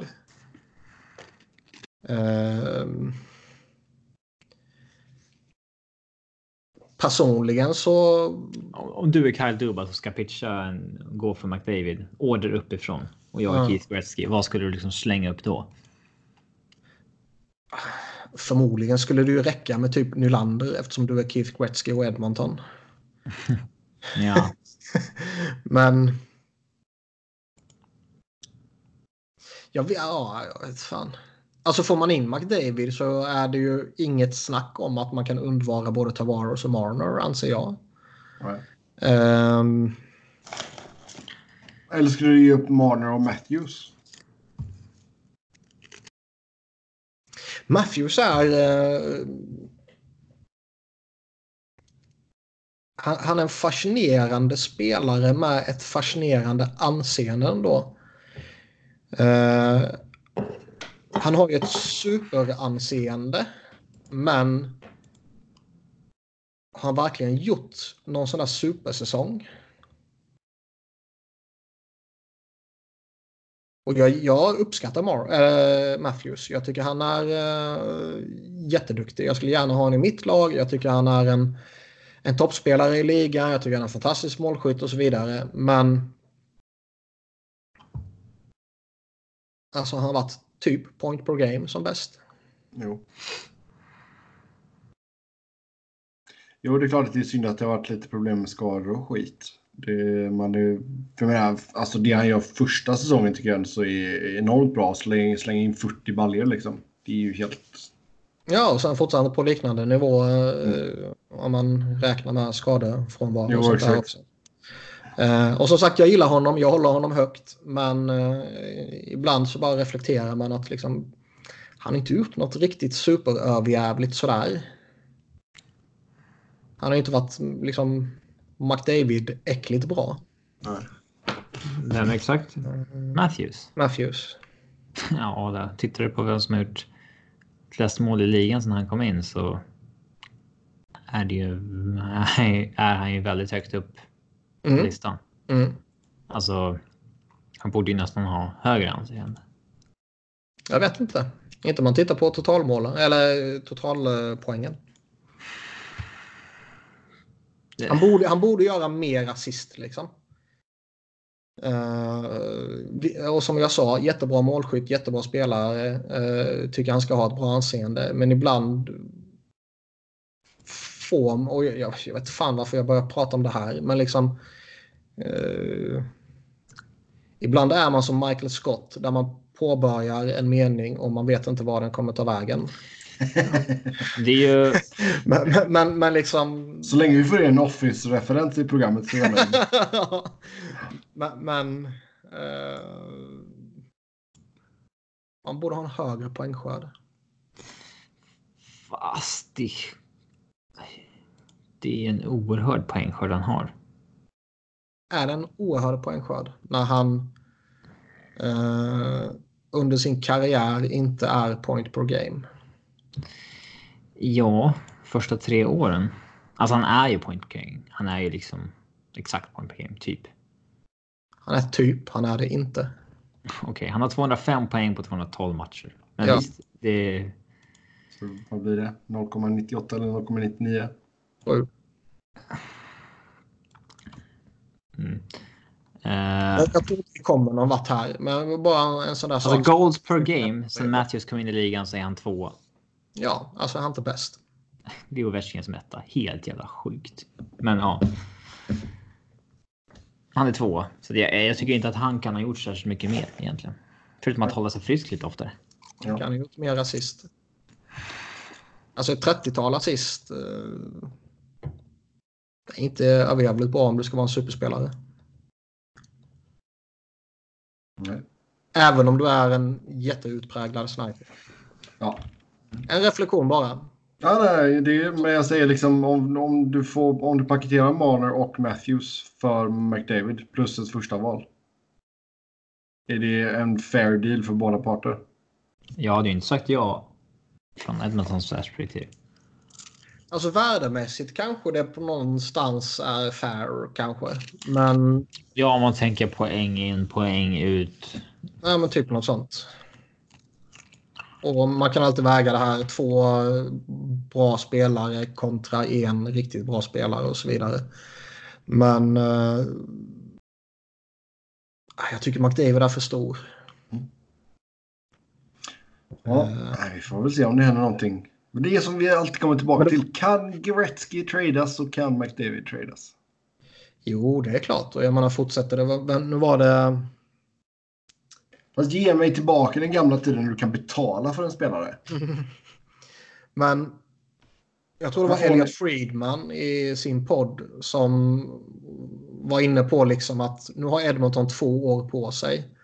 Eh, inte så att de måste liksom vinna kuppen inom två år, men de måste visa McDavid de kommande två säsongerna att okej, nu har vi fått ordning på den här skiten, nu är vi på rätt håll. Innan han kommer liksom tröttna och, och kräva att försvinna därifrån. Har vi verkligen förtroende att Edmonton kan göra det på två år? Nej. Alltså det här, men det är också en sån grej. Alltså, jag menar, de har ingen, de ingen GM längre. Eh, liksom, vad, ska Gretzky få det på heltid eller vad händer liksom? Se. Ja, är men säg liksom- liksom att... Nej men de säger liksom bara vi utvärderar, det kommer ta ett tag. Men vad fan, ta ett tag. Det här ska ni ha bestämt nu. Vad, vad ser vi draften det- liksom? Ja, det, det är ju viktigare för Edmonton att det de gör nu blir rätt än att det går fort. Jo. Eh, det kan ju också vara så att liksom, ti- tittar man ut vilka kandidater som finns Eh, tillgängliga nu liksom, så kan det ju faktiskt vara så att nej, vi hittar ingen vi vill ha. Ska vi då ta fel person eller ska vi vänta lite och se vad som kanske händer i slutspelet? Vad, vad, vad händer om det där topptippade laget floppar? Liksom? Eh, om, om man anser att Keith Gretz, Gretz, Gretzky är, ehm, är tillräckligt kompetent för att fortsätta vara interim GM. Och jag läste någonstans att han har liksom ehm, eh, han har tillåtelse att göra saker så länge han är där. Ja. Eh, om man då inte hittar rätt person så är det kanske mer rimligt att avvakta. Du säger att Edmonton går och väntar på Kekkelainen. Nej, men alltså han skulle ju mycket väl kunna försvinna. Eh, alltså nu, nu, nu är det väl ingen som egentligen anser att typ bli svept av Tampa är liksom ett fireable offense. Det, det är väl ingen som anser det. Men med tanke på hur hårt man gick in som Columbus så kanske man är missnöjda med att man inte fick något bättre än en uh, uh, vad heter det? Uh, wildcard-plats och tog sig in två, två poängs marginal. Det är klart att det är en skitmacka att du kommer på andra wildcard-platsen och får ja, tappa direkt. Liksom. Så vi säger att det går åt helvete och, och de spelarna han betalar dyrt för inte gör någon nytta och så tappar man alla gratis liksom. Han skulle mycket väl kunna få gå. Um, det finns säkert andra spelare eller andra GMs i, i andra slutspelslag som mycket väl skulle kunna få gå också. Liksom. Mm. Men uh, så, ja, jag, jag, tror det är viktigare för Edmonton att de får rätt gubbe på plats än att de får någon gubbe på plats väldigt fort. Och så kommer han in och så bränner han ner det. Det sitter i väggen.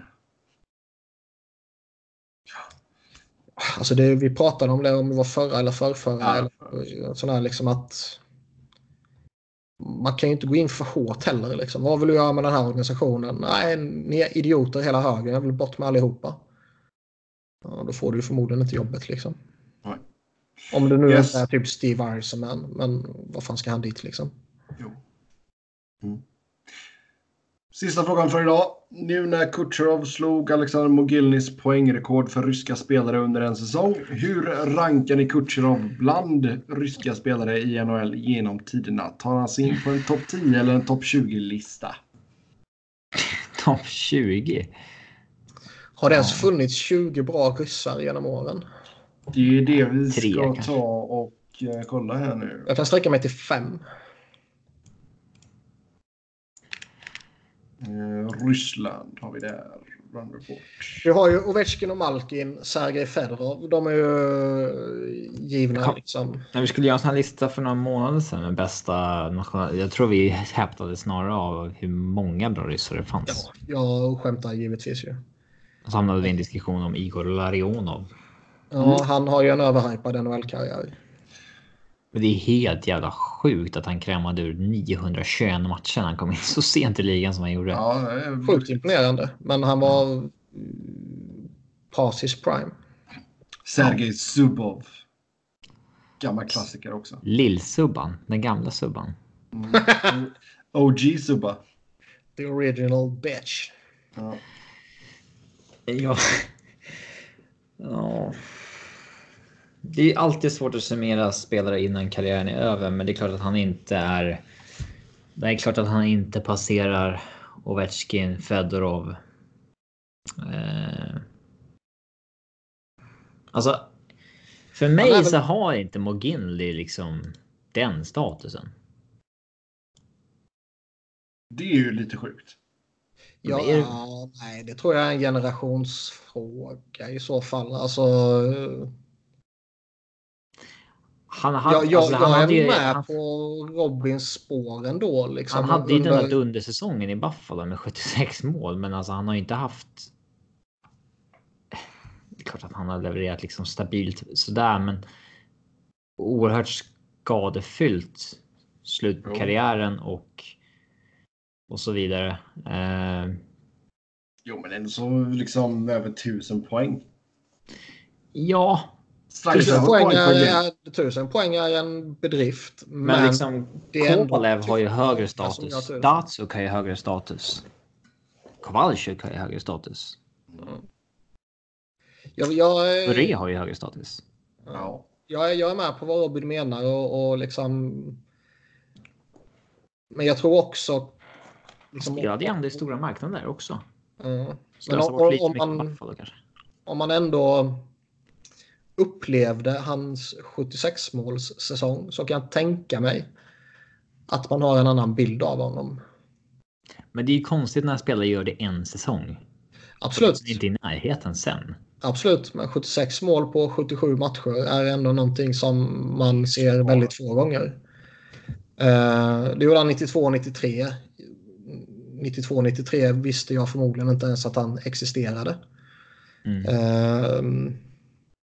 Men skulle man varit liksom 20 bast då, så, då kanske det skulle varit det häftigaste som, som skedde. Mm.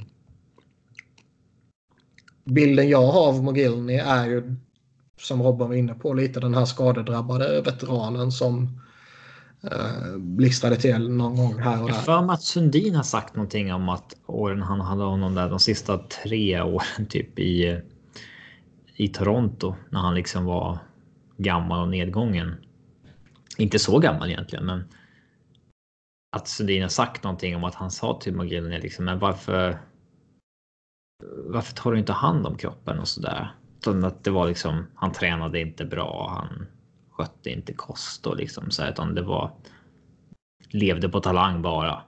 Mm. Två, två pack om dagen. Ja, liksom att Sundin sa någonting om att han skulle sagt så här, men varför tar du inte hand? Du kan ju spela tio år till liksom. Eh. Men ja, Hur ser han ut idag är ju frågan. har jag ingen update på. Är det liksom typ Thomas Brolin? Keith Chachak. Ja. Satan i helvete vad han är stor. Han är lika bred som han är lång. Eller lika bred Ja. som han är kort. Jag har väl sagt det, jag har varit på väg att krocka med honom en gång. Det, den krocken överlever man fan inte. Ja, han ser lite större ut. Jag hittar något... Uh, Fast det är, ju mång, det, är, ja, det är ju många jävla hockeyspelare från den generationen som blir jättestora. Ja, det finns någon eh, bild på honom och Magnus Svensson. Från uh, någon jäkla match i Moskva här. Eh, från 2016. Mm. Mm. Ja, Men eh, men Kucherov då?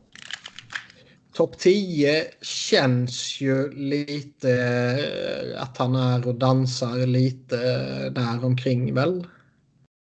Jättesvårt att bedöma en spelare som typ inte ens är halvvägs i karriären. Nej, nej, Nej. absolut. Men om vi sätter pistolen mot tinningen och tvingar varandra att göra det. Han har ju pass han har inte passerat så många stora ryssar poängmässigt än. Ja, vad är han? 28 nu? De enda som han har ju passerat Valeri Bure. Alex Eh, Frolov, Ja. Sergej Makarov, Eh, Ja, det, det, Johnny Gottselig. det, är killarna som liksom kom sent till ligan och sådär. Mm. Vi kan ju börja snacka när han har passerat. Eh, ändå ett par stora nästa år, vilket blir typ eh, Koslov, Kamensky. Eh, Semin. ja, Semin kanske. Fattar att han fortfarande är sämre än Semin. Ja, men Semin alltså. Han hade ju liksom. Jag menar inte att han var dålig. Jag menar bara liksom baserat på vilket rykte han har. Jo. Ja, men han hade ju liksom. Caps-åren var ju fruktansvärt bra. Mm. Hur länge betalar Carolina honom? Det måste vi titta. Eh, två säsonger till. 2,33 miljoner per säsong. Maxim Af-. Han spelar ju fortfarande. Han lämnade ju NHL 09-10. Det var då han signade billigt med Atlanta. Efter några trötta år i Buffalo.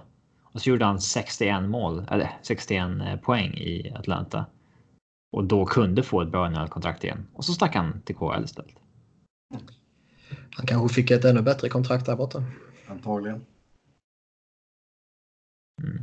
Ja. Nej, men det är ja, som sagt det är, alltid liksom, och- det är svårt att säga en spelare som fortfarande spelar. Ovechkin, Fedorov, Mogilny, Kovajev, Malkin, Datsjuk, Koslov, Kovalchuk, Gonchar, Bure, Subov. Jag gillar hur du hoppar över Alexej Yashin. Ja. Men de, de, de, de, de elva tar han sig inte förbi bara hux flux idag sådär. Nej. Och de får kvar liksom Andrei Markov som jag ändå tycker man ska hålla jättehögt. Vi har kvar en Igor Larionov som man kan diskutera in i döden typ. Mm. Vi har kvar en, en Yashin som ändå hade en rätt lång och rätt hygglig karriär. Och vi har kvar en Alexej Chamnov som hade en rätt lång och rätt hygglig karriär. Och några sådana där som Viktor Koslov, Samsonov, Semin, Valerij Kamensky. Alltså, han behöver fan göra lite, eller lite, han behöver göra rätt mycket till bara för att sådär solklart slå sig in på topp 10. Jo, absolut. Men säg att han har... Uh... Ursäkta mig. Han det här är inte okej. Okay. Nej, förlåt. förlåt, förlåt. Nej, men säg att han radar upp kanske fem... Säg att han har fem raka säsonger med minst 100 pinnar liksom. Då är han ju absolut med i diskussionerna tycker jag. Jo, jo. Men sen, tror inte, sen, tror, sen tror inte jag att han kommer att göra liksom över 120 poäng här nu varje jävla säsong. Det, det här kan mycket väl vara hans karriärs bästa. Ja. Uh, och sen det han har gjort i år har varit sjukt imponerande, absolut. Men nej, som du säger, en liten bit kvar.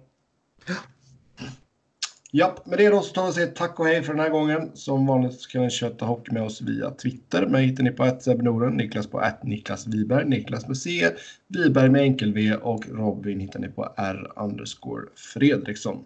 Tills nästa gång, ha det gött, hej!